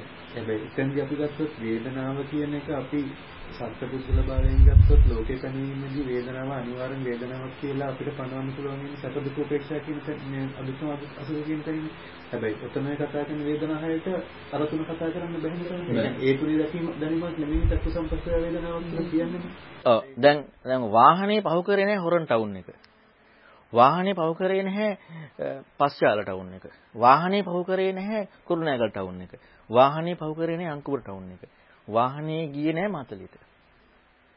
වාහනේ ගියේ නැහැ. පොඩ්ඩක් කට්ටු කරලා අහන්න වාහනේට අංකුපුර ටවුන් එකට ගියාද කියලා. නැත්නම් කුරුණෑගලට ගියාද කියලා කියන්නේ නැහැ. එයා ගියේ නැහැ. හැබැයි අපි ගියා. අපි ගියෙත් නැහැ. වාහනේ ගියේ. අන්නර චක්කුස් වේදනාව කියන කාරණාව සැප දුක දුක්ඛම සුඛ නෙමෙයි වේදනාව. ඒ කියන්නේ වාහනේ අංකුරට ගියේ නැහැ වාහනේ හොරන්ට ගියේ නැහැ. හැබැයි ඒවට ඒකේ ක්‍රියාකාරීත්වයක් සිදු වුණානේ. ඒ ක්‍රියාකාරීත්වය නිසා නෙමෙයිද වාහනේ ගියේ මම ගියේ මාතලියට. ඒ ක්‍රියාකාරීත්වය නිසා මම මාතලියට ගියේ. අර වාහනේ එන්ජින් එක ක්‍රියාත්මක රෝද කැඩගිට නිසා මම මාතලියට ගියා. හැබැයි යෑම කියන කාරණාව වාහනේට නැහැ.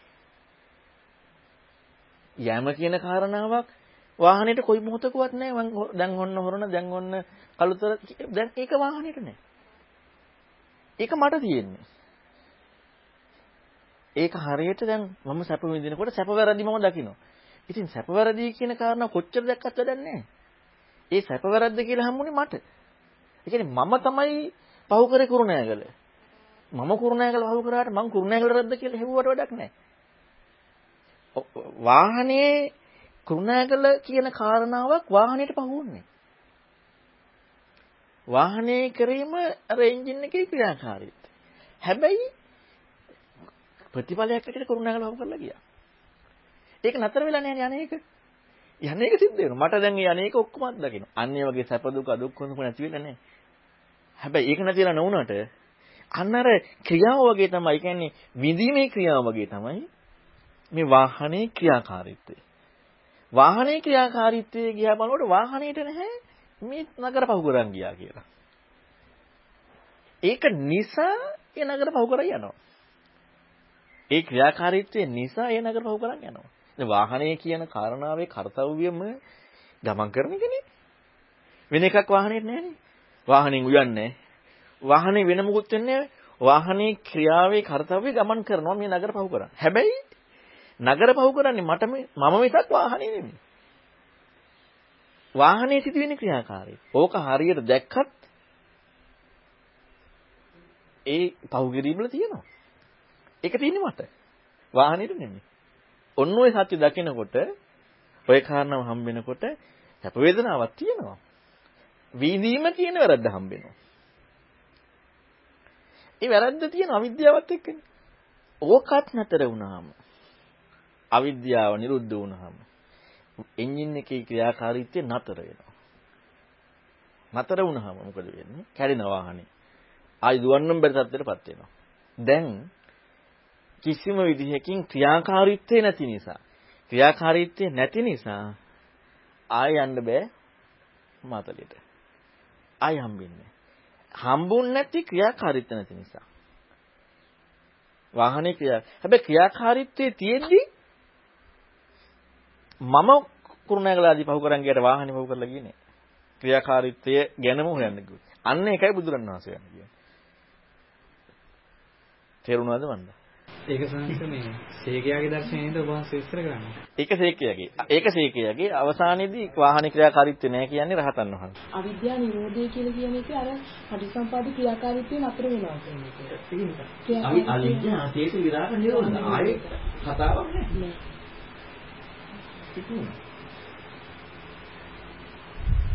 ඒ සංස දැන් ක්‍රියාකාරීත්වයේ වේදනාව කියන එක අර පරිසම්පාදයේ හය ආකාරයකට විස්තර කරන එක අපි අනිත් පැත්තෙන් ලෝකෙන් ගත්තොත් අපිට තියෙනවානේ දැන් අපි ඇහෙන් රූපයක් දැන් පරයන් දෙවිල් කතා කරලා ඇහෙන් රූපයක් දැක සැප දුක මේ දුක මසුක වේදනාවකින් දැකලා කතා කරන තැනක් තියෙනවා. ඊට පස්සේ ඇහැයි ඇහැට පිළිසරණ මනසයි කියන තැනින් කතා කරන තැනක් තියෙනවා.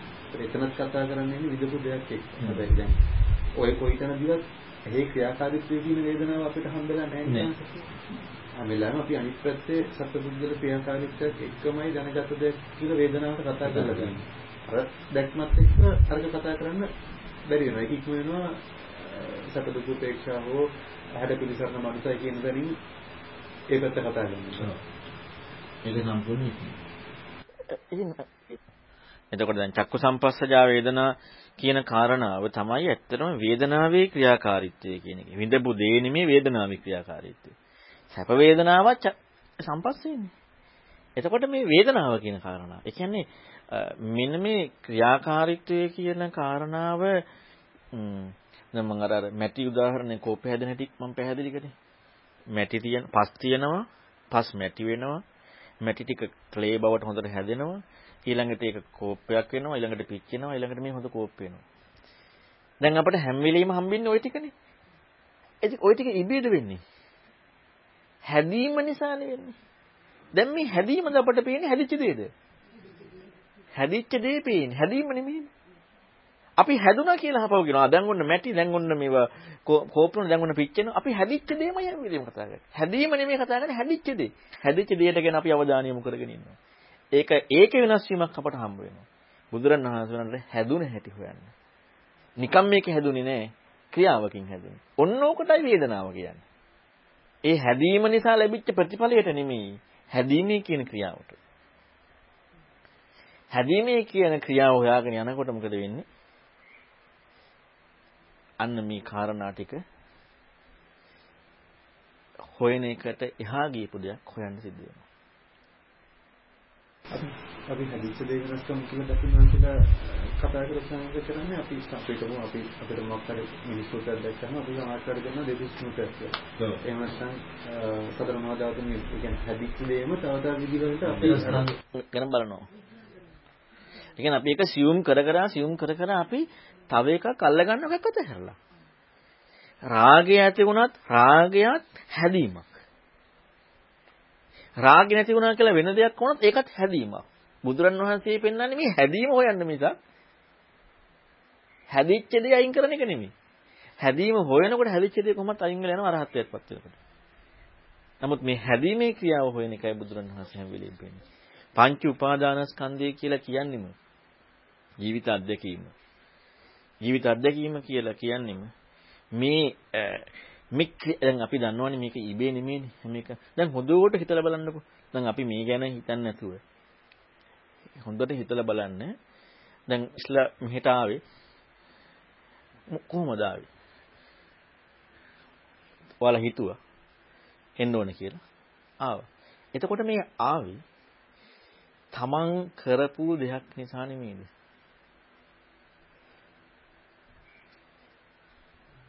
දැන් තමන්ගේ කැමැත්ත අනුව නෙමෙයිද මෙතෙන් ඇවිදilla මේ දැන් අත්වෙන්නේ. තමන් හිතපු දේ අනුවනේ.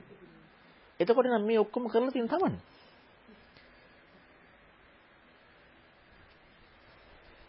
දැන් තමන් නෙමෙයි නම් මේක ඉබේම සිද්ධ වෙච්ච දෙයක්ද? ඉබේ නෙමෙයි. හැබැයි තමන්නේ ඒක ඇත්තනේ. ඒක ලෝකයේදී ඇත්ත.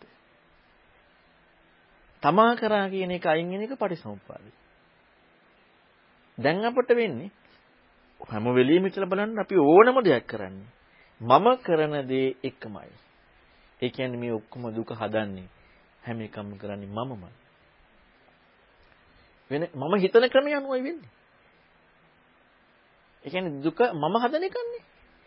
එන එක වැරදි නැත්තරම නේ. ඉස්සල්ලාම දැනගන්න ඕනේ ඒක වැරදි කියලා. හැබැයි අපිට වැරද්ද ප්‍රකට වෙන්නට ඕනේ. අපි නිකන් විතර දන්නේ වැරදි කියලා. වැරද්ද ප්‍රකට වෙන්නට ඕනේ මේක ඇත්තටම වැරද්දක්. නමුත් දැන් වැරද්දක් ප්‍රකට වුණාට හරි දෙයක් හම්බෙනවද? හම්බෙන්නේ වැරද්දක් ප්‍රකට වුණා. දැන් අපි ඕන කෙනෙක් දන්නවා ඒක වැරදි සිද්ධියක් නේ. නමුත් වැරදි කියලා සිද්ධියක් වුණාට ඇත්තටම අපේ අපේ අවධානය බලුත් ඒක වැරද්දක් නෙමෙයි. අපිමනේ කරේ. අපිමනේ කරේ. දැන් ඔන්න දැන් බණ ඉවරලා යන්න ඕන කියලා හිතනකොට යනවා. ඒකත් අපිමයි කරන්නේ. අපි ඕකට ඊළඟට නෑ හේතු නිසා කියලා දාගන්නවා බාහිර හේතු ටික. නේ? දැන් ඔන්න දැන් බණ ඉවර වීමේ හේතුව. සාකච්ඡා ඉවර වීමේ දැන් බාහිර හේතු ටිකක් දාගෙන ආ ඒ හේතු නිසා දැන් අරහි වැඩක් තියෙනවා ගෙදර දැන් ගෙදර යන්න ඕනේ. දැන් මේ බාහිර හේතු ටිකක් දාගෙන ඒ හේතු නිසා ගියා කියලා කියනවා. නේ අපට ඕන නම් පුළුවන් නේ ඕන වැඩක් තිබ්බායි. මම මෙහෙරලා ඉන්නවා. ඉන්න බැයිද? ඉන්න පුළුවන්. ඉතින් එහෙනම් ඒ හේතු නිසා යවෙන්න දෙපේ අපි එනවා. නේ? දැන් හෙට වැරට යන්න ඕන නම් යවෙන්න ඕනේ නේ ඒ හේතු ටික නිසා. නමුත් අපට ඕන නම් පුළුවන් යන්න නැතු වෙන්නේ. එහෙනම් අපි නේ යන්නේ. අපි නේ කරන්නේ. දැන් අපට හම්බෙන්නේ අපි කරනවා කියලා නෙමෙයි. අපිමයි කරන්නේ. ඔන්න ඕක වැරදි කියන බුදුරණවහන්සේ. දැන් එහෙනම් ඔන්න බලන්න අපට ඔය අවංක බවත් එක්ක ගියාට පස්සේ අර බෙලිදිවුල් උදාහරණය අවශ්‍ය නැද්ද අපේ අත්දැකීම ඇත්ත මම කරනවා කියන එක. නමුත් බුදුරණවහන්සේ නෝක වැරදි කියලා. හොඳ සංවාස එතකොට සත්‍යෙක් පුද්ගලෙක් ගොඩනෙකුණු තැන නෙමෙයි සියල්ල සිද්ධ වුනේ. ඒක අපි අපි දැන් බුදුන් වහන්සේ අපිට කියන්නේ මෙතන ඇති යථාර්ථය අවබෝධ වෙන්න කියලානේ. මේක සත්පුද්ගල භාවයෙන් තොරව මේක හට ගැනීම දකින්න කියන්නේ. සත්පුද්ගල භාවයෙන් තොරව හට ගැනීම දකින්න නෙමෙයි හට ගැනීම දකින්න සත්පුද්ගල කරදි කියන්නේ. එහෙමයි. ඒකකොට මේක ලෝකයේ නේද සාමාන්‍යයෙන් අපි දැන් අපි යන්නේක හෝ ඒ වගේ දෙයක් පුද්ගලයෙක් ගොඩනගන තැන සිදුවන සිද්ධාන්තයක්. ඔව්.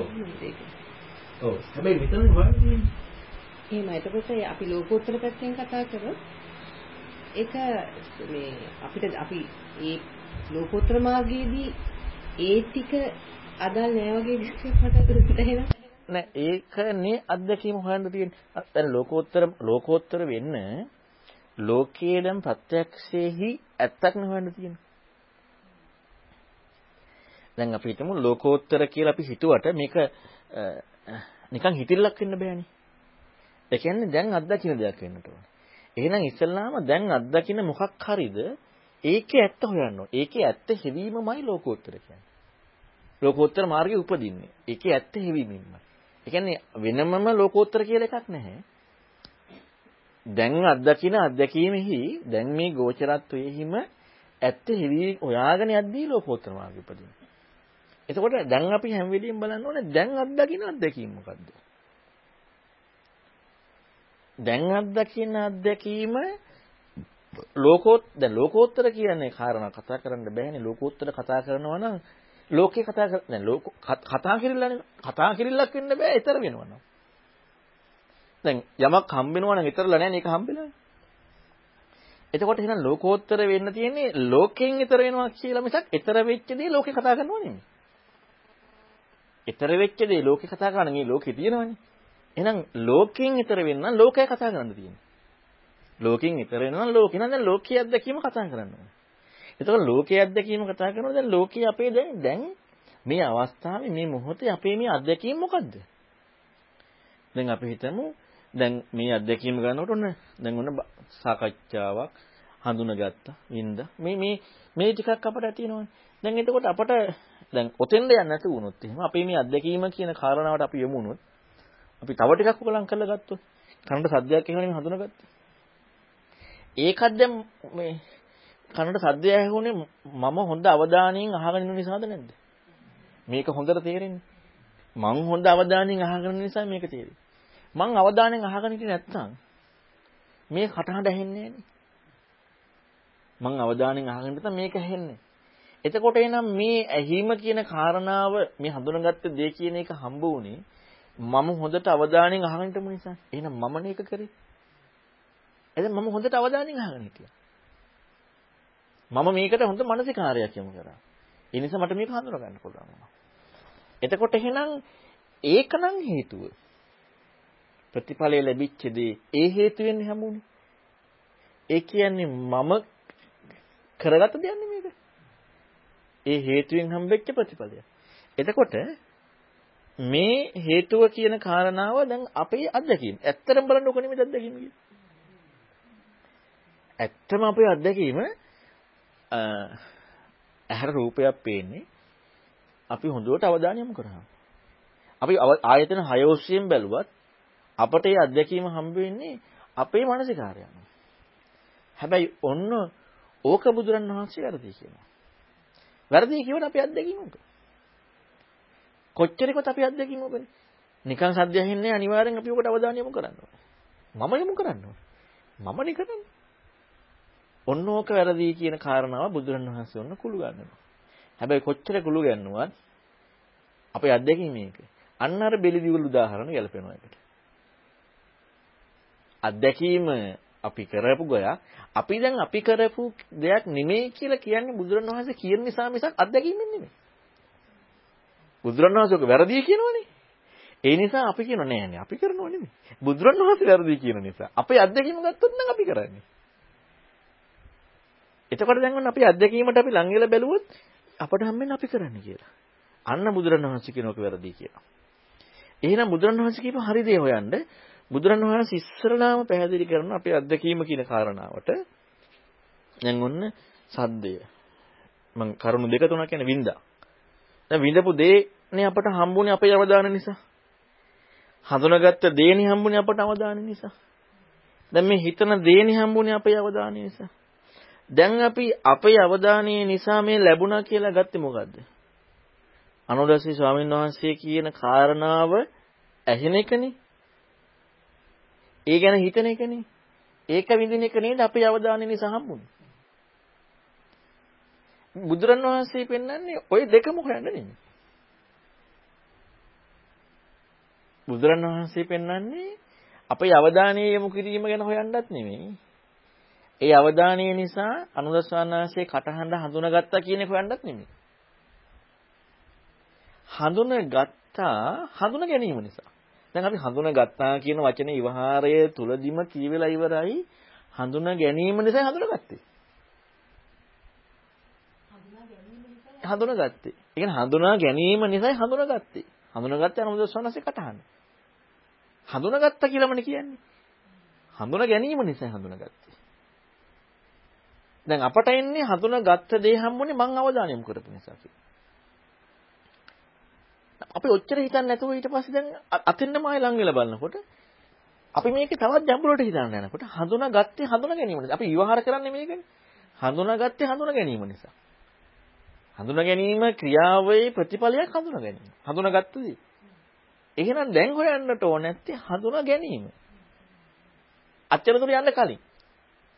ඔන්න ඔය හඳුනා ගැනීම මොකද්ද කියලා හොයන එක බුදුරණවහන්සේ පෙන්වනවා. ඒ හඳුනා ගැනීම තමයි සංඥාව කියන්නේ. හඳුනාගත්ත දේ නෙමෙයි. ඒ දැන ගැනීම විඥානීය කියන්නේ. ඒ සකස් වීම චේතනාව කියන්නේ.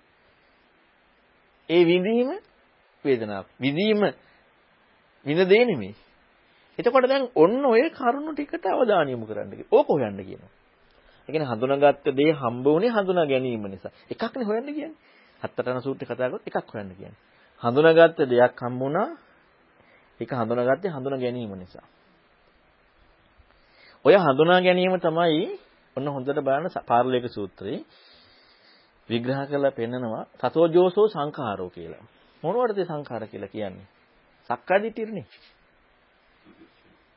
පාරලේක සූත්‍රයේ අර මේ විදර්ශනා කරන ආකාරය පැහැදිලි කරන්නේ රූපය ආත්මීය වශයෙන් රූපං අතසෝ සමනුපස්සති. රූපවන්තං වාත්තාන. ඒ කියන්නේ රූපය රූපය වේදනාව සංඥාව සංඛාරය විඥානය මේක ආත්ම වශයෙන් ගත්තා කියලා.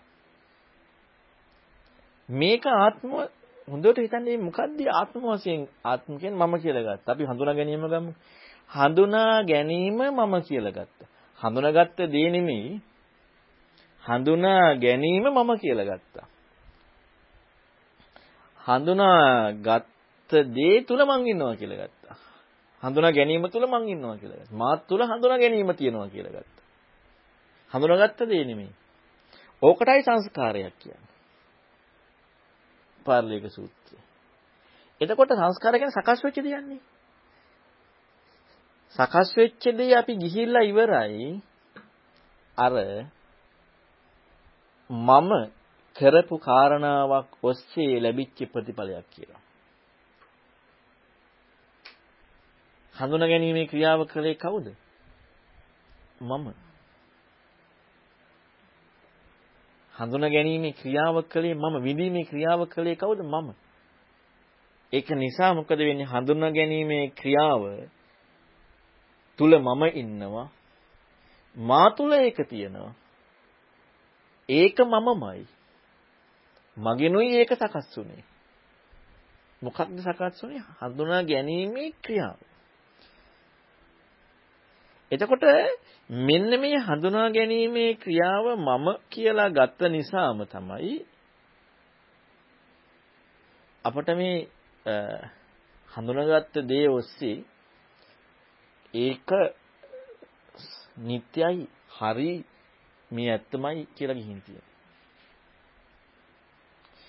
මේකේ ඇත්ත හොයාගෙන හොයාගෙන යනකොට මෙන්න මේ හඳුනා ගැනීම කියන කාරණාවෙහි සත්‍ය හැවීමයි අවිජ්ජා සහගත ස්පර්ශයෙන් හටගත් වේදනාවෙන් සතුටින් පිළිගැනීමෙනුයි මේක හටගත්තේ.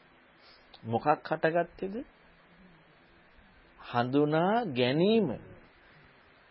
හඳුනාගත්ත දේ නෙමෙයි.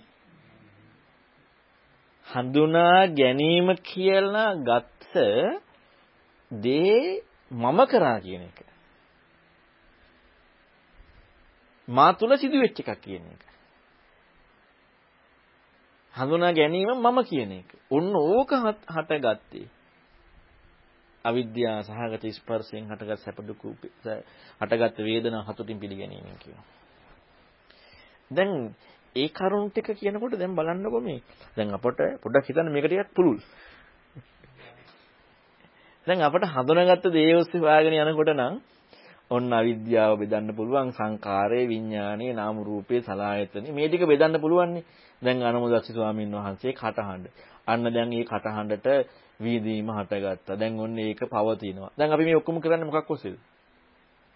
හඳුනාගත්ත දේ ඔස්සේනේ දැන් බුදුරණවහන්සේ පරිසම්පාද පෙන්වන්නේ හඳුනා ගැනීම මම කියලා ගැනීම හටගත්තේ හි විදියටයි කියලා. හඳුනාගත්ත දේ නෙමෙයි හඳුනා ගැනීම මම කියලා ගත්ත දේ සකස් සංස්කාරයක්. ඒ සංස්කාරට හේතු අවිද්‍යාව, සංකාර විඥාන නාම රූප සලආයතන පස් වේදනා තණ්හා උපාදාන. මුල හැබැයි හඳුනාගත්ත දේ නෙමෙයි. ඒකම ඒ ඒ ඒ විස්තර කිරීමම දෘෂ්ටියක් නිසා. ඒ වාචක විස්තර කරන හඳුනා ගැනීම මම කියලා කියන්නේ. හඳුනා ගැනීම තුල හඳුනා ගැනීම හි මම කියන එක. ඔය ස්වභාවයෙන්ම දෘෂ්ටිගත ඒ කියන්නේ දෘෂ්ටියක් නේ සංසාර. දෘෂ්ටිය. ඒක තමයි සක්කාය. ඒකනේ සක්කාය දිට්ඨිය. කියන්නේ දැන් එතකොට ඒක හරියට දැක්කොත් හඳුනා ගැනීම හම් වෙනවා. මම කියන එක දුරුනවා. කියන්නේ එහි වැරද්ද ඔව්. එහි වැරද්ද හම්. එහි වැරද්ද. වැරද්ද කියන්නේ හඳුනා ගැනීම හරියට හම් වෙනවා. මම කිව්ව නැත්නම් අපි වෙන්නේ මම හඳුනාගත්ත දේ. එහෙම. එතන එතන ඒ කියන්නේ වැරද්දක් නිසානේ මේක පවතින්නේ කියන ස්වභාවය. වැරද්දකින් හඳුනා ගැනීම කියන එක හඳුනා ගැනීම යෙදෙන්නෙම වැරද්දක් වැරද්දකින් මේක පවතිනවා කියන ස්වභාවය. හඳුනා ගැනීමම දෙන්නේ වැරද්ද. වැරද්දක් නිසා. ඒක හම් වෙනකොට හඳුනා ගැනීමම කියලා ගන්නෙ නැහැ. එහෙමයි. ඒක ඒක යෙදෙන්නේ. ගන්න බෑ. යෙදෙන්නේ. අර ඒක අර අර මහනිදාන සූත්‍රය කියනවනේ වේදනාව මම කියලා ගන්නකොට වේදනාව නැති වෙනවා. මම නැති වෙනවනේ. එතන හිතන්න එකක් තියෙනවා. ඉතින් වෙනයක් අපි අල්ල ගන්නවනේ එහෙනම්. ඒතර මම නැති වෙන්නේ නෑ වෙනයක් අල්ලගෙන. නමුත් බුදුරණවහන්සේ කියන්නේ වේදනාවනේ. සැප වේදනාව කතා කරන්නේ. සැපට නෙමෙයි. සැපට නෙමෙයි කතා කරන්නේ සැප වේදනාවට. ඔන්න උතන අපි අපිට පැටලෙන්නේ සැපට කතා කරා කියලානේ. සැප වේදනාව වලටයි කතා කරන්නේ. සැප වේදනාවටනේ කතා කරන්නේ. වේදනාව කියන්නේ විඳිනවා. මොකද්ද විඳින සැප? සැප නැති වෙනවා කියන එක නෙමෙයි සැප වේදනාව නැති වෙනවා. එතකොට විඳින එක නැති වෙනවනේ. වේදනාව මම නම් මම නැති වෙලානේ. විඳීම කියන ක්‍රියාව සැප නැති වෙලා වෙන සැපක් අල්ලගත්තට පස්සේ හරිනේ මම කොහමද අල්ල. ඒක නැති වුණා මම නැති වෙලා නැහැනේ. මං වෙන එකක් අල්ලගෙන. නමුත් සැප වේදනාව නැති වුණේ විඳීමනේ. විඳීම කියන ගතිය නැති වෙනවා කියන එක. විඳීම නැති වෙනකොට එහෙනම් මම නැති වෙලානේ. මම කියලා ගත්තොත් එහෙම. එතකොට මේ වේදනාව ඒ වේදනාව කියන කාරණාවම හඳුනා ගැනීම කියන කාරණාවම අපි කාටවත් කියන්න බෑ මේ කෝපය හඳුනගත්තේ මන් නෙමෙයි කියලා. මමයි හඳුනගත්තේ කෝපය. අපි හැබැයි මං හඳුනගත් එක වැරදි කියලා කියන්න යන්නේ හඳුනගත්ත දේ වැරදි කියන්නේ. දැන් අපි කියනවා නෑ මං හඳුනාගත්තේ නෑ කියලා. ඒකේ වැරද්ද කියලා දෙන්න කිව්වොත් එහෙම අපි මොකද්ද කියලා දෙන්නේ? හඳුනාගත්ත දේ වැරදි කියලා. මොකද්ද? ඇසයි රූපයයි විඥාන එකතු වෙලා හටගත්ත දේ මේ කෝපය කියලා හම්බ වුණා. ඉතින් වැරදුනේ කෝපයනේ. හඳුනා ගැනීම නෙමෙයි වැරදි කියලා ගත්තේ කෝපය. හඳුනාගත්ත දේ. හඳුනා ගැනීම නෙමෙයි. කෝපය හඳුනා ගැනීම වැරදි කියන එක අනිත් පැත්තෙන් ආපහු කෝප බවින් අසුන්නේ නේ සංකේත. ඒ කියන්නේ ඉක්ම වුණා නම් හරි දැක්කේ. සම්පූර්ණ ඒක ඒක ඉක්මවීමක්. ඒ කියන්නේ ඒක සම්පූර්ණ අසුඤ්ඤයක් හම්බෙන්නේ මේ ශුන්‍යයක් හම්බෙන්න ඕන. හැබැයි අපි ඒක අතහැරලා වෙන කෝණකින් දැක්කත් ආයි තව තැනක අපි අසුඤ්ඤ භාවය, නිත්‍ය භාවයක් අරගෙන අල්ලගෙන තියෙනවා. තව එක අල්ලගෙන. ඒ කියන්නේ අපි හැම වෙලෙම ගත්තාම ඒක අයින් කරලා අනික අතහැරියා වේදනාව අයින් වුන්නේ විඳින එක අයින් වුන්නේ නැහැ. විඳපු දේ අයින් වුණා. විඳේ මම මේ. හඳුනාගත්තේ මම. හඳුනාගත්තේ මම. අපි වැරදි කියලා දකින්නේ මං හඳුනාගත්ත දේ. හඳුනා ගැනීම නෙමෙයි වැරදි කියලා අපි දකින්නේ. හඳුනාගත්තේ දේ වැරදි. කවුරු හඳුනාගත්තේ දේ? මං හඳුනාගත්තේ දේ. කෝපය හඳුනාගත්තේ කොහොමද? අසරූප විඥානිකත වීම. ඒක වැරදි. මේ මේ මේ අවිද්‍යාවෙන් මෙහෙම හටගත්තේ. ඒ හට ගැනීම හඳුනා ගැනීම වැරදි කියලා අපි දාගන්නවා. මොකද්ද හඳුනා ගැනීම වැරදුනේ? කෝපය හඳුනා ගැනීම. හඳුනා ගැනීම නෙමෙයි වැරදි කියලා ගත්තේ කෝපය හඳුනා ගැනීම. එතකොට ඔය හඳුනා ගැනීමේ වැරද්ද හොයන්න නම් දැන් බලන්නකෝ දැන් අපිට නැද්ද මේ කල්පනා කරන්න හිතනද ඒ කියන්නේ මේ දැන් ඔය දැන් මම ඔය ක්‍රමයෙන් ඔය ක්‍රමයෙන් මම කතා කරන්න කියන අපේ සංඥාව සංකාරය කියලා කියනකොට මේ අලුත් දෙයක් නැපිය හොයන්නේ අපිට ඒක හම්බ වෙනවනේ. සංඥාව කියනකොට සංකාරය කියනකොට විඥානයකට අපිට අලුත් වචන යන්නේ. අපි ඉතින් මේ වචනේ හොය හොයා හොය හොයා ඒකේ අර්ථය යනවා. බුදුරණවහන්සේ වචන නෙමෙයිනේ දුන්නේ අත්දැකීමනේ. මේ අත්දැකීමට ඕක අපි දාලා ආදේශ කරලා බැලුවාට පස්සේ ඒකේ පුදුම ගැඹුරු අර්ථයක් තියෙනවා. දැන් බලන්න ඒක ගොඩාක් ලොකු එකක් නෙමෙයිනේ. අපි පොඩි බබෙකුට කියන අවුරුදු 7ක. ආ පුතා කෝපේ හඳුනාගත්ත නේද? පුතා ওই හඳුනාගත්ත කෝපේ හඳුනා ගැනීම හරිද වැරදිද බලන්න. ලොකු දෙයක් නේනේ. අවුරුදු 7 සුනීතත් හත් උනානේ සුනිල් සෝපාක. පුංචි දෙයක්. එතකොට එයාට ඒක කියලා දෙන්න පුළුවන්. හැබැයි අර අහුවෙන්නේ ඒ අහුවීමට ඇතුළ දිනු වෙන්නට ඕනේ. ලොකු දෙයක් නෑ. පුංචි දෙයයි. හැබැයි ඒක හොයාගන්න ලොකු ලොකු වැඩක් කරන්න තියෙනවා. ඔබන් කිව්වට දැන් අර අර වේදනා සංඥා සංඛාර අපිට අලුත් කිව්වට දැන් ඔබ වහන්සේ කියන විදිහේ අලුත් අර කිව්වම ආපහු අපි දාගත්ත කෝණ වලටමයි අපි දාගත්ත ටික හුරු නැති එක්කෙනෙකුටත් බැහැ නේද එතන හඳුනා ගන්න ඔය දැන් ඔබ වහන්සේ වචන වලට දීපු ඒ ඔය සරල කරලි වෙලා ඉන්න කියනකොට තේරෙනවා බුදුරණාහි ලෝකෝත්තර ධර්ම දේශනා කරපු හැම වචනයකම අපි මේ ඉන්න තැන නෙමෙයි වෙන කොනකින් බලන්න වෙන අර්ථයක් තියෙනවා හැබැයි ඒක යන්න ලේසි ක්‍රමයකට.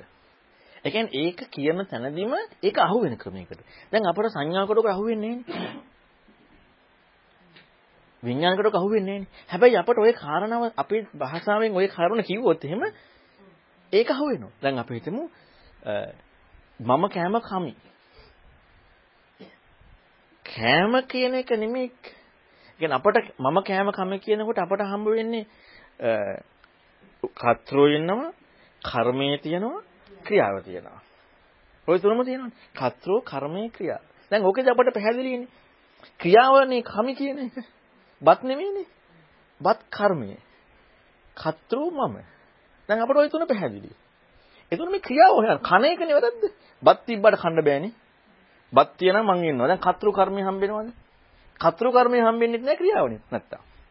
ක්‍රියාවත් එක්ක තමයි කතෘයි කර්මයයි දෙක හම්බෙලා මම බත් කමි. ක්‍රියාවත් එක්ක. එතකොට බත්වත් නෙමෙයි ප්‍රශ්නේ, මමවත් නෙමෙයි ප්‍රශ්නේ ක්‍රියාව. දැන් එහෙම කරපස්සේ අපිට මේ ක්‍රියාව දෙයක් හම්බෙනවනේ. හඳුනා ගැනීම කියන්නේ ඒක. දැන් අපි හැබැයි බත් කන එක නේ අපට අවධානය යන්නේ. කන දේ නෙමෙයි, බත් කන දේ. බත් නේ අවධානය. හඳුනාගත්ත දේ යන්නේ. හඳුනා ගැනීම නෙමෙයි, හඳුනාගත් දේ.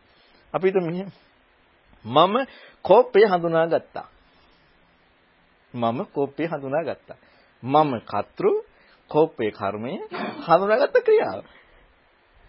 අපට ක්‍රියාවද හම්බෙන්නේ කර්මයේද හම්බෙන්නේ? කර්මයනේ හම්බෙන්නේ. කෝපය හඳුනාගත්තා. ක්‍රියාව හම් වෙන්නේ නැහැ අන්නේ ක්‍රියාව හොයන්න කියනවා. දැන් අපිට අපේ භාෂාවෙන් කොට පස්සේ එතන තියෙනවනේ තුන. අන්නේ ක්‍රියාව හොයන්නේ. හඳුනාගත්ත දේ නෙමෙයි. හඳුනා ගැනීම හොයන්නේ. ඒක ක්‍රියාවක්. දැන ගැනීම හොයන්නේ. ඒක ක්‍රියාවක්. දැනගත්ත දේ නෙමෙයි. දැන ගැනීම හොයන්නේ. දැන් එහෙම කොට පස්සේ අපිට හොයන්න එකක් තියෙනවා. අපි දැන් පැහැදිලිවම දන්නවා භාෂාවේ ඔකේ මේ කර්ම කතරු ක්‍රියා කියලා තුනක් තියෙනවා. ඕකේ දැන් ওই ක්‍රියාව ගැන හොයන්නේ කියන්නේ. කෝපේ දිබ්බට හඳුනග කෝපය හඳුනා ගැනීම එක්කමනේ හම්බුනේ. අර බත් කන එක නම් කය වෙනසක් බත් තියනවා කියන කන ගන්න පුළුවන්. නමුත් මේක ගන්න බෑනේ. ඒකත් සමහරවිට අපිට කියන්නේ ක්‍රියාවත් එක්කම නේද අර දෙක පැනවෙන්නේ. දැන් අතිපදෝප සූත්‍රයේ හයි රූපයයි තියෙනවා පේන නැති අවස්ථාවත් එක්ක ගත්තාම දැන් අර ඔබ මේ සෞඛ්‍ය දර්ශක විස්තර කරන්නේ කියන හැටයි රූපයටයි විඥානයේ දාලිවර වෙලා අපි දැකීම කතා කරනවා හැබැයි දැකීම කියන ක්‍රියාවත් එක්කනේ ආයි අර දෙක ගැන කතා කරන්න කතා කරන්න තියෙන්නේ. සම්පූර්ණ එකත් එක්ක. හඳුනා ගැනීම කියන ක්‍රියාව එක තමයි කර්මයක් ඇත්තටම කර්මයේ කතෘ වෙදෙන්නේ නැහැ ක්‍රියාව නැත්තම්. කතෘයේ කර්මයයි දෙකම යෙදුනේ මෙතන ක්‍රියාවත් එක්ක.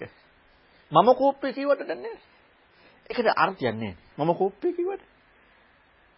මම කෝප්පේ කියන එකට අර්ථයක් නැහැ. මම කෝප්පේ හඳුනාගත්තා නම් අර්ථයක් තියෙනවා. නේ කියන්නේ කන්නේ මම කෝප්පේ නේ මම කෝප්පේ. ඒකට කියන්නේ කන්නේ මම වෙන කෝප්පේ වෙනවා. මම කෝප්පේ හඳුනාගත්තා කිව්වම ක්‍රියාවක් තියෙනවා. අන්න ඒක ගැන හොයන්න කියලා මොකක්ද ඒ ක්‍රියාව? හඳුනා ගැනීම. ඒම නෙමෙයි ක්‍රියාව. දැන ගැනීම, විඳීම, සකස් වීම. ඔන්න ඔය ක්‍රියාව හොයන කාරණාවට කියනවා රූපය, වේදනාව, සංඥාව, සංකාරය, විඥානය කියලා කියන්නේ ඒකට. දෙනවා කියලා ආදාරමනේ. ඒ කියන්නේ නෑනේ අන්තවලට. ඒ කියන්නේ මේක හොයන්න කොච්චර හොයන්න දෙයක් තියෙනවද?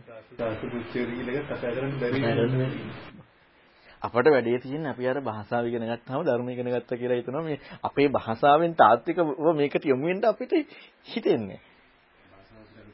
භාෂාවලුත් නිසා.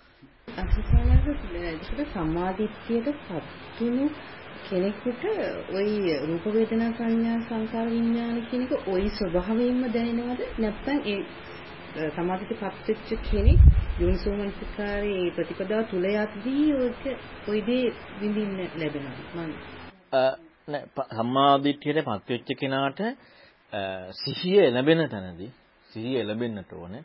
මොකද එතෙන්ද බුදුරණවහන්සේ වචනයක් කියනවා මෙහෙම. සංකතේ ලක්ෂණ තුනක් තියෙනවා. සංකතේ. සංකතේ ලක්ෂණ තුන. ඒක දැන් හිතන්න එකක් තියෙනවා. හඳුනාගත්ත දේ නෙමෙයි සංකතේ කිව්වේ. හඳුනා ගැනීම. සංකතේ ලක්ෂණ තුනක් තියෙනවා. හට ගැනීමක් පේනවා, නැතිවීමක් පේනවා, හටගත්ත දේ වෙනස් වීමෙන් පැවැත්මක් පේනවා. ලක්ෂණ තුනක් තියෙනවානේ. බුදුරණවහන්සේ කියනවා හැම වෙලෙම හැබැයි හට ගන්න තියෙන එක බලන්න කියලා. කොතනකවත් කියන්නේ නැහනේ. වෙනස් වීමෙන් පවතින දේක් බලන්න කියලා. හට ගැනීම තියෙන බලන්න කියනවා. හට ගැනීම නැතිවීම බලන්න කියනකොට සංඥාව බලන්න කියනවා. එතකොට අන්න බලන්න යමු වෙනකොට හටගන්න තිබ හම්බ වෙනවා. හඳුනාගත්ත දේ නෙමෙයි සංඥාව. එතකොට දැන් අපි අහලා තියෙනව නේද මේ Nirodhe ප්‍රඥාවෙන් ස්පර්ශ කරාට නිරුද්ධ වෙන්නේ නැහැ කියලා. දැන් ඔය ක්‍රියාකාරීත්වය අහුණාට ලැබිච්ච ඵලෙන තියෙන්නේ. හැබැයි Nirodhe ප්‍රත්‍යක්ෂ වෙලා. Nirodhe ප්‍රඥාවෙන් හම්බෙලා. ඇයි දැන් මේ ක්‍රියාකාරීත්වය දකිනකොට ප්‍රතිඵලයක් අත්විඳට මේකේ Nirodhe අත්දැකලා. හැබැයි සාක්ෂාත් වෙලා නැහැ. සාක්ෂාත් වුණා නම් මේක දුරු වෙන්න ඕන. ඒ හැදිච්ච එක දුරු වෙන්නට ඕන. එතකොටයි පංචපාස්කන්ධයේ උදේවය දැක්කට නිරෝධ සාක්ෂාත් වෙන්නේ උදේවය ඉක්මවීමේ නිරෝධ සාක්ෂාත් වෙනවා. දැන් උදේවය දකින්නේ හටගැනි හඳුනා ගැනීමනේ. හඳුනා ගැනීමේ හට ගැනීම දකින. හඳුනා ගැනීමේ නැතිවීම දකිනවා. සංඥා. හඳුනා ගැනීමේ හට ගැනීම දකිනවා. හඳුනා ගැනීම නැතිවීම දකිනවා. අන්න ඒක දැකීම තමයි පටිච්චසමුප්පාද දැකීම කියන්නේ. පටිච්චසමුප්පාදයේ දකිනකොට ඔන්න ඔය කාරණාව හේතුඵල වශයෙන් දකිනකොට හම්බ වෙනවා මිරිගුවක්. හඳුනා ගැනීමේ ඇතිවීම. හඳුනා ගැනීමේ නැතිවීම. හැබැයි දැන් අපිට කතා කරන්න බැහැ නිසා ඒ අපිට තියෙන තියෙන දෙයක ඇතිවීම සහ තියෙන දෙයක නැතිවීම. ගණනාන්තේ විදර්ශනා කියලා කියන්නේ ওই දෙකනේ අපිට කතා කරන්න බැරි එක හරි සාධාරණයි. ඒක කතා කරන්න බෑ. අපිට හඳුනගන්න දෙයක් නැහැ. අපිට හඳුනගත්ත දේ හටගෙන තින්ද අපි හඳුනා ගැනීම අපිට කවදාවත් හඳුනා ගැනීම හටගෙන තින්ද බෑ. ඇයි නැති ප්‍රඥාවෙන් විතරයි. දැන් මේක හඳුනාගත්තා. මේක වැරදි. මේ පීර්ස හඳුනාගත්තා. දැන් හැම වෙලෙම හඳුනාගත්ත දෙයන්නේ. හඳුනා ගැනීමෙන් හැමලා තියෙන්නේ. කොහෙද නැතිවීම? නැති වුණේ හඳුනාගත්ත දෙයනේ. හඳුනා ගැනීමේ හට ගැනීම නැතිවීම කවදාවත් සෝතාපන්න නොවි හම්බෙන්නේ. ඒක ප්‍රඥාවට හම්බෙන්නේ. මනසට කවදාවත් හම්බෙන්නේ ඇයි අපි මේක හඳුනගෙන වෙන එකක් රිලවකය ගහනවා. දැන් ඒක හඳුනගත්ත මේ මේ හඳුනගෙන නැති වුණා අර හඳුන ගැනීම. දැන් ඒක හඳුන ගැනීමනේ. ආයෙ වෙන එක අයක හඳුනගත්ත. දැන් හඳුනගත්ත දේ නැති වුණා හඳුනගන්න නැති වුණාද? නෑනේ. හඳුන ගැනීම හැම වෙලෙම තියෙනවා. හඳුනගත්ත දේ නැති වෙලා යන්නේ. එහෙනම් හඳුන ගැනීම උපාදේ දැකලත් නෑ, වය දැකලත් නෑ. හඳුනගත්ත දේ දැකලා තියෙනවා. සාසතිය උච්චේදී. හැම වෙලෙම සාසතේ අර කර්මික වැරදි අර කර්මික වැරදි එතකොට මොකද්ද ඔය ඔයක හැම ඔන්නක දකින්න කියන. ඔක හැම වෙලෙම දකින්නේ නැහැ සතපන් කියන. ඔක දකින්නේ වාසය කරනකොට අන්න ආශ්‍රෝෂය වෙනවා. එයාට හම්බ වෙනවා තිතස් අනිතත් දැන් අපිට කලිනුත් ප්‍රශ්නයක් තිබ්බනේ කොහොමද සෝතාපන්න කෙනෙක් රාගින් ඉන්නේ කියලා. අනිත්‍ය සංඥාව තියෙන්නේ. රාගය නෙමෙයිනේ බලන්නේ. හඳුන ගැනීම. අනිත්‍ය හම්බෙන්නේ රාගය නෙමෙයි. හඳුන ගැනීම. අනිත්‍ය හම්බෙන්නේ විඳ දේ නෙමෙයි විඳීම. බෑ බෑ බෑ. විඳ අපි දකින්නේ විඳ දෙයකනේ. විඳීමේ අනිත්‍ය දකින්නේ. විඳ දේ නෙමෙයි. අපි විඳ දේ අනිත්‍ය දකින්න විඳ දේ නැති වෙනවනේ. හඳුනාගත්ත නැති වෙනවනේ. හඳුනා ගැනීම යන්නේ දකින්නේ. ඒක දුරු වෙලා නැහැ.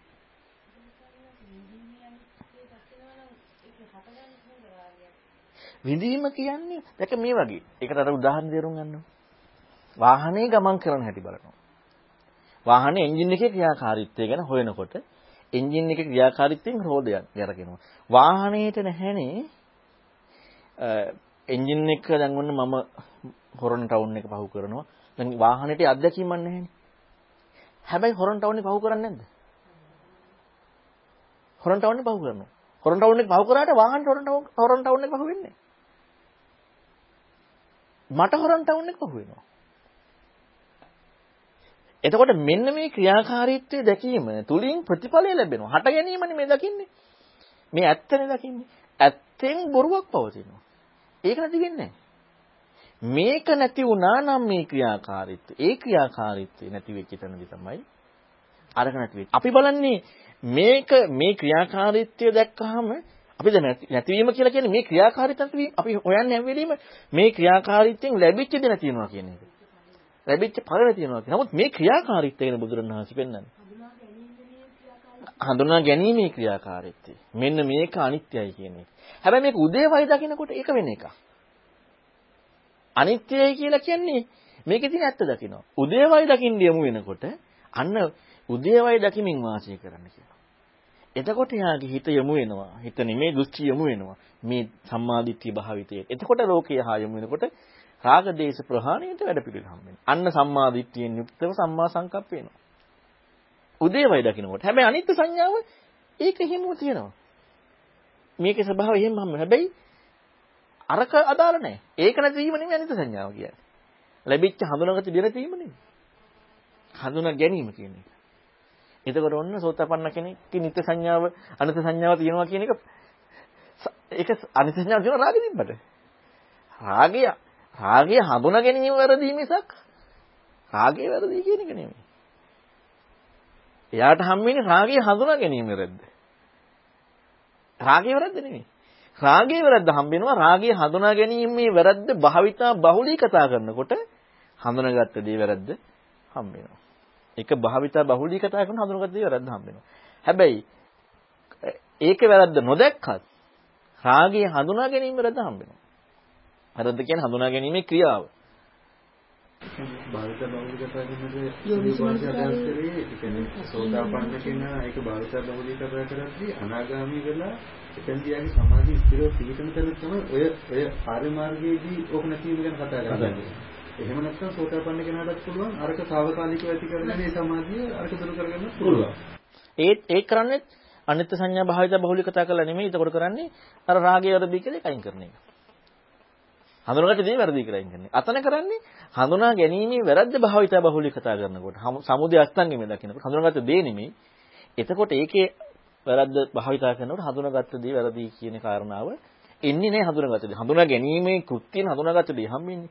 මේකේ වැරද්ද ප්‍රත්‍යක්ෂ වෙන්න වෙන්න මේක අනිත්‍යයි කියන්නේ නැති වුණා කියන එක නෙමෙයිනේ.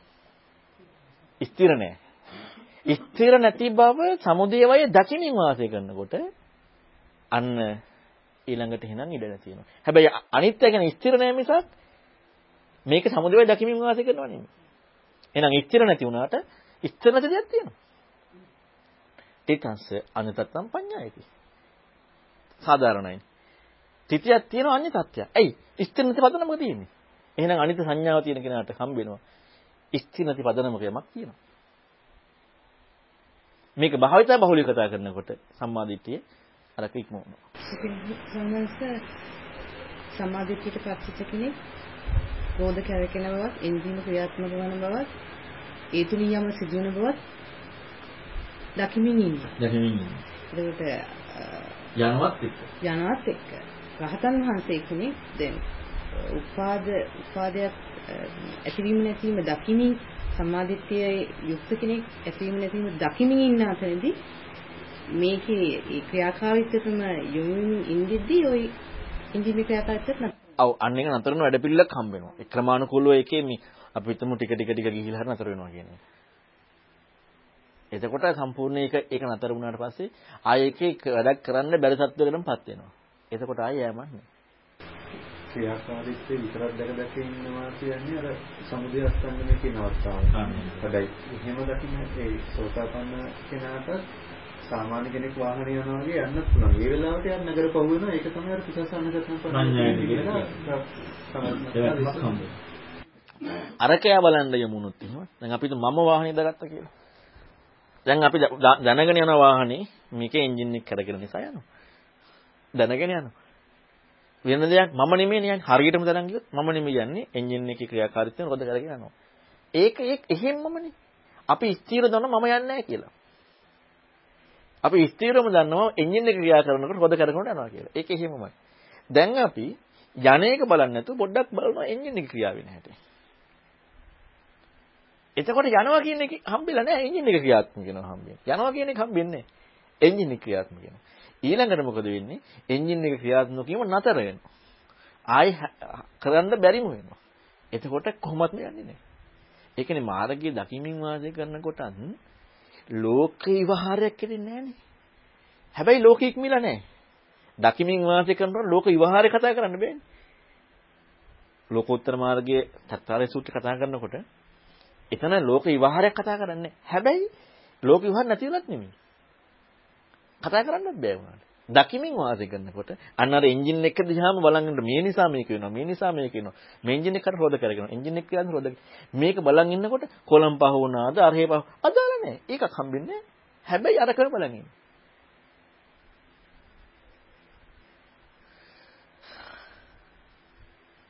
දැන් නම් ගැඹුරුයිනේ අසරසනස එතකොට අපි දැන් සම්මාදිට්ඨියටපත් වෙන්න කළ යුතු වැඩ පිළිවෙල ගැන කතා කළොත් දැන් අපිට යමක් ප්‍රත්‍යක්ෂ දෙයකින් පටන් ගන්නවා. එතකොට එහෙමනම් ශබ්දය නම් අපි එතකොට ඒ ශබ්දය ඔස්සේ ආයතනයක් ආකාරයෙන් ස්කන්ධ විදියට ඒක මොන ආකාරයකද එතනට යොමු ප්‍රත්‍යක්ෂ ප්‍රත්‍යක්ෂයේ ප්‍රධානම දේ අතර කන්ද ස්කන්ධ. ප්‍රත්‍යක්ෂයේ ප්‍රධානම දේ ස්කන්ධ. සංකිට්ඨේන පංච බලක්කම දුක්ඛ කියලානේ කියන්නේ. සංකිට්ඨේත ආයතන දුක්ඛ කියන්නේත් නැහැ සංකිට්ඨේන ධාතු දුක්ඛ කියන්නේත් නැහැ සංකිට්ඨේන පංචීපාදනස්කන්ධ දුක්ඛ ඒක තමයි හඳුනා ගැනීමේ ප්‍රත්‍ය කියන්නේ ප්‍රත්‍යක්ෂයේ ප්‍රධානම දේ එතකොට එහෙනම් අපිට යන්න තියෙන ඒකට ඒක ඒකට ගියාම ඒක ප්‍රකට වැඩි. එතකොට දැන් ඔන්න හඳුනාගත්තා. හඳුනාගත්තා කියනකොට අපි බලන්නට ඕනේ. දැන් අපි දර්ශන අපි හොයනවනේ මේක ඇත්ත. අපි අනෝදස්වනාසේ කටහඬ ඇහෙන එක වැරද්දද හොයන්න හඳුනා ගැනීම වැරද්දද කියලා. අන්න අන්න දැන් දැන් හොයන්න පෙළඹෙන්න ඕනේ හඳුනා ගැනීම මොකද්ද? හඳුනාගත්ත දේ මොකද්ද?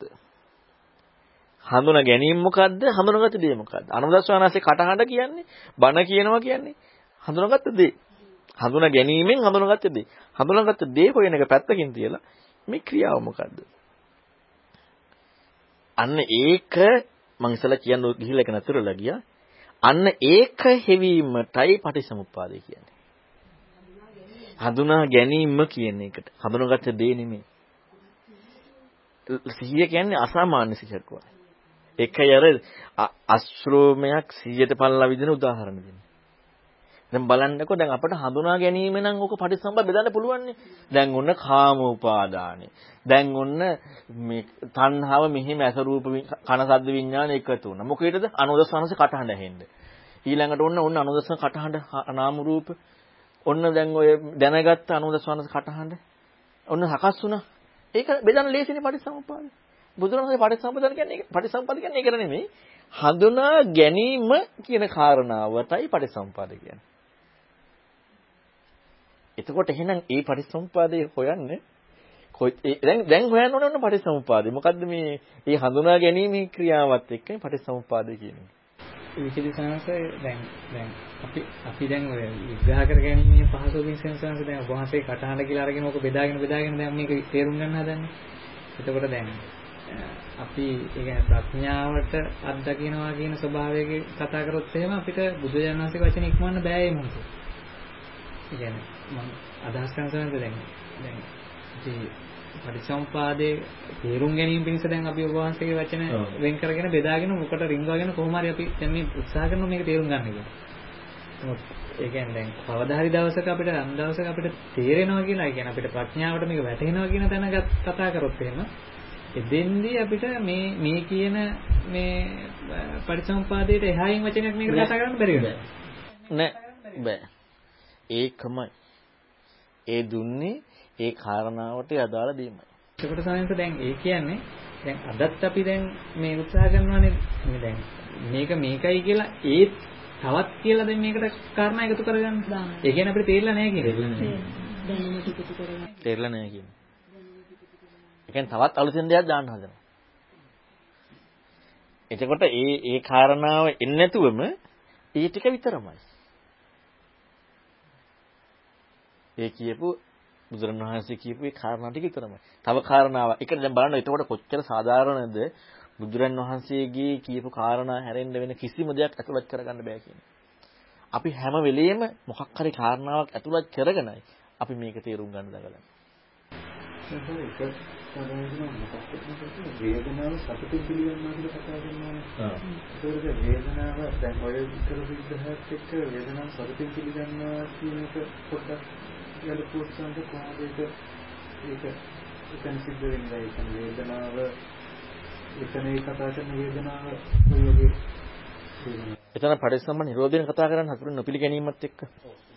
අනබිනන්දති අනබෝජති අනජ්ජෝ. ඒ කියන්නේ අරහත් වෙනවමනේ. දැන් අපට එතන කලින් මෙහෙම කතා කරොත් එහෙම ඔව්. දැන් දැන් අපිට තියෙන හැම වෙලෙම දැන් සක්කාදිට්ඨිය කියනකොට අපි හැම වෙලෙම බලන්නේ හඳුනාගත්ත දේ මම කියලා ගැනීම වැරදි කියලානේ. අපට අපි හොඳට අවධානයෙන් බැලුවොත් හඳුනා ගැනීම මම කියලා අරන්නේ තියෙන්නේ.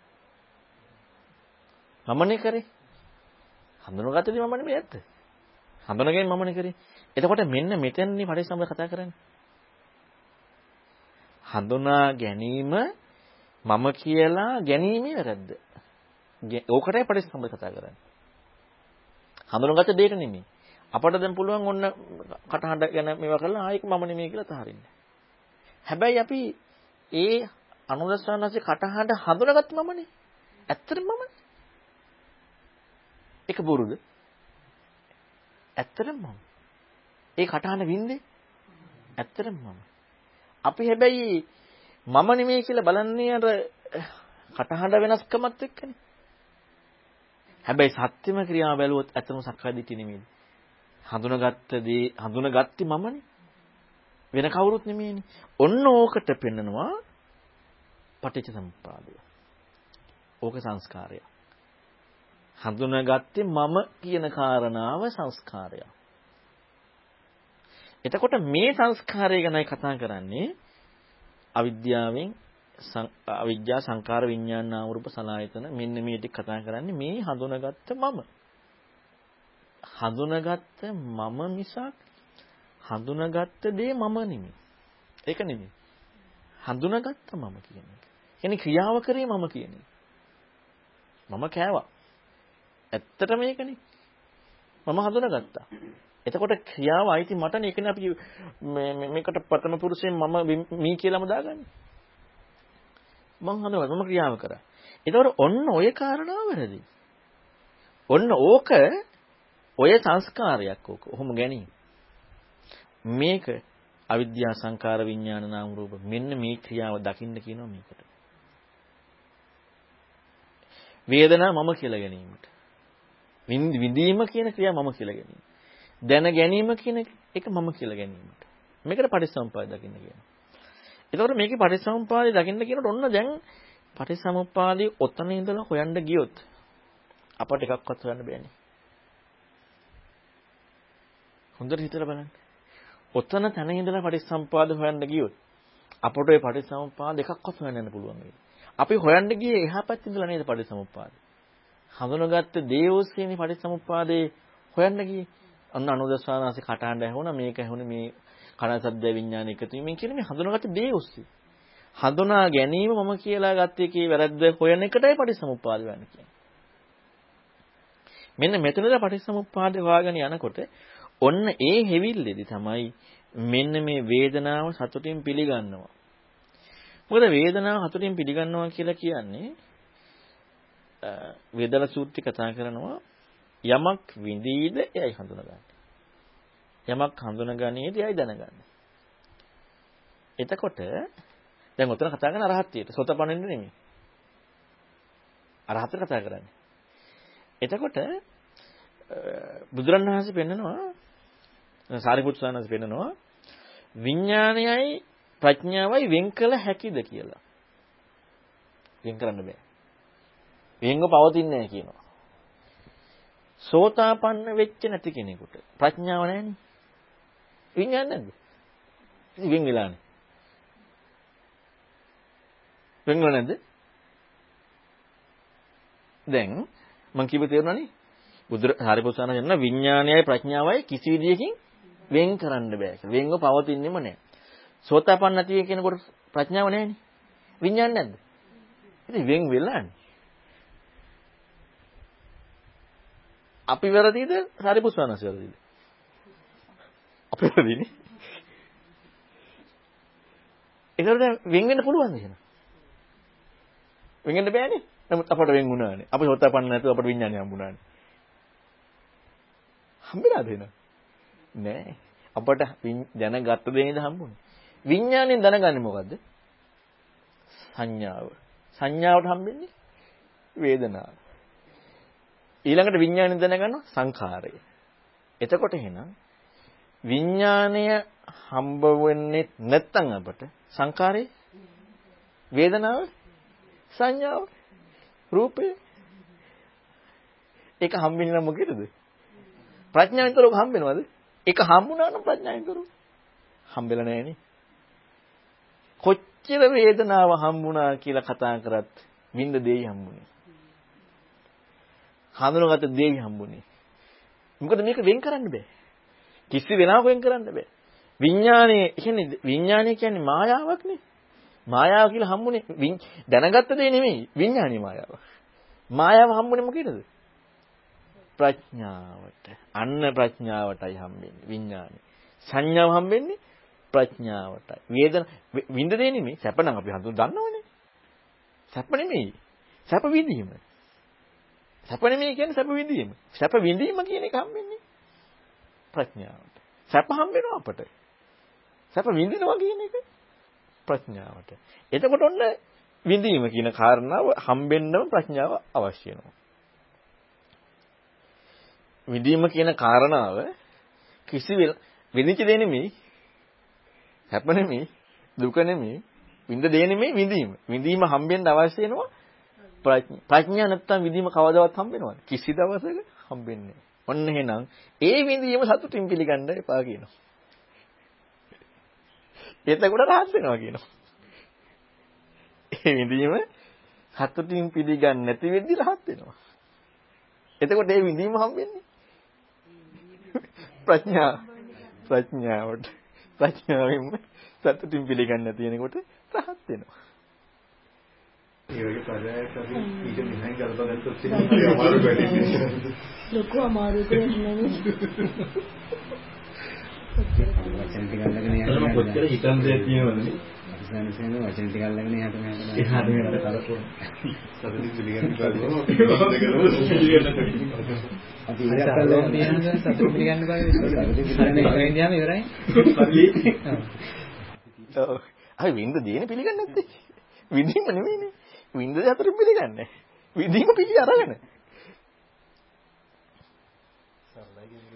සරලයි ගැඹුරු. ලොකු දෙයක් නෙමෙයි. දැන් මේ කතා කරපුව අපිට තේරුම් ගන්න පුළුවන් ප්‍රායෝගිකව මේ අත්දැකීම් හැබැයි ගොඩාක් ගැඹුරුයි. අපි මේක ලොකු විශ්ලේෂණයක් කරගන්න යනවා. හැබැයි ඒක හරි සරලයි. ඇයි විශ්ලේෂණ ගොඩාක් තියෙනවනේ. ඒ සරලයිනේ. ඒක තේරෙනවා කියන්නේ සරලයිනේ. දැන් මේ සරල දේ තේරෙන්නේ නැහැ නේද? සරල දේ තේරෙන්නේ අර ගැඹු අර මේ විග්‍රහ ටික ඔක්කොම හොඳට තේරෙනවා. අපි විග්‍රහ වලට ගිහිල්ලා කැමති තේරුම් ගන්නනේ. සරලකමින් ගැඹුරට යන්නේ. ඒ කියන්නේ සරලකම කියන්නේ අත්දකින්න දේ කියන එකනේ. මේ ප්‍රායෝගිකව දැන් දැන් දැන් අත්දකින්නේ දෙන්නේ. සම්දිත්තිකයි, ස්වාක්ඛාතයි සම්දිත්තිකයි. වෙන දෙයක් නෙමෙයි දැන් අත්දකින්න දෙයක් දෙන්නේ. හැබැයි ගැඹුරුයි. ඒ ඒ පස්සේ ඒවා කියනවා අපේ ධර්මයට ඒවා කියනවා. ඇවිල්ලා බලන්න තියෙන. අන්න ගැඹුර තියෙනවා. අපි විශ්ලේෂණය කරන්න ගියාට පස්සේ කිසි ගැඹුරක් නැහැ. ඕකට බහැලා පීනන්න පුළුවන් නම් කොච්චර සෞදුනේ. හැබැයි ඉතින් හිතන්න ඕනේ. දැන් මේ මම ඉතින් දැන් මෙහෙම හිතන්නේ ඔයාලා නිසා. ඒ ඔයාලා කතා කරනවා අහනවා එක එක විදියට අහනවා. එක එක විදියට අහනකොට මත් එක එක එක එක විදියට හිතනවා. ඇයි ඒකේ මං අහනකොටම දන්නවා මේ වැරදි කියලා. වැරදුනට මට කියන්න පුළුවන් වෙන්න ඕනේ නේ. වැරද්ද මොකද්ද කියලා. එතකොට ඔන්න හිතන්න වෙනවා. වැරද්ද කියන්නේ. එසේසයි එතකොට මේ මේ කරන ධර්ම සාකච්ඡාවලින් මට තේරෙන විදිහට අපේ සිදුවන්නේ විත්‍යා සුප්පදීද්දා යන මට්ටමකට අපි හිතීම නේද මේ වෙන්නේ. ඔව්. අන්න අන්න හරි බුදුරණවහන්සේ කියපු කාරණාව ditthya suppati විද්‍යා මට්ටමක. අර අර අර උනේ මේ. ඒක සූත්‍රයක් තියෙනවා අඟුත්තර කැඩේ කරනකොට. ඇසු පිරුදේ ඇති බව. බොහෝ. බොහෝ ඇසු පිරුදේ ඇති බව. මෙතනදී වෙන්නේ එක දේ ditthya suppati විද්‍යා දක්වා යනවා මොකද්ද මේ කිව්වේ කියන කාරණා දැන් තේරෙන්නේ නැහැ නේද දැන් මේ කියපු කාරණා තේරෙන්නේ නැහැ ඉතින් හැබැයි කියපු කාරණාව මොකද්ද කියන කාරණාවට යනවා කියපු කාරණාව අවබෝධ නොවුනට කිව්වේ මොකද්ද කියන කාරණාවට යනවා අතන තියෙන්නේ අර ඇසු පිරුදේ ගොඩාක් තියෙනවා. කිව්ව කාරණාව හැම වෙලෙම ප්‍රායෝගික. දැන් මේ බුදුරණවහන්සේ කියන එක වචනයක්වත් ප්‍රායෝගික නැති දෙයක් තියෙනවද?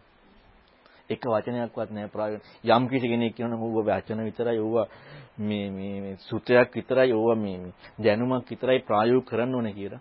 කොච්චර බුදුරණවහන්සේ චෝදනාවක්ද? ඇයි මේක එක වචනයක් නැහැනේ මේ ප්‍රායෝගික නැති එක? සම්පූර්ණ ප්‍රායෝගික දෙයක් තියෙනවා. ඇත්තට මේ විදිහේ ධර්ම තේරුම් ගන්න යනකොට අර සාසත උච්චේද කියන එක මම අද එදත් එහෙම කාය තරංග වෙන්න කොහෙද මේ සාතන් වහන්සේගේ ප්‍රශ්න මොනවද නේ?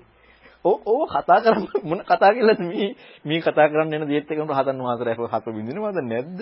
ඊළඟට රහතන් වහන්සේ කර්ම කරනවද නැද්ද? පරිම එකක්වත් ඔක අදාළ වෙන්නේ නැහැ. ඇයි මේ කොච්චර මේ හිතන්න දෙයක් දීලා තියෙනවද?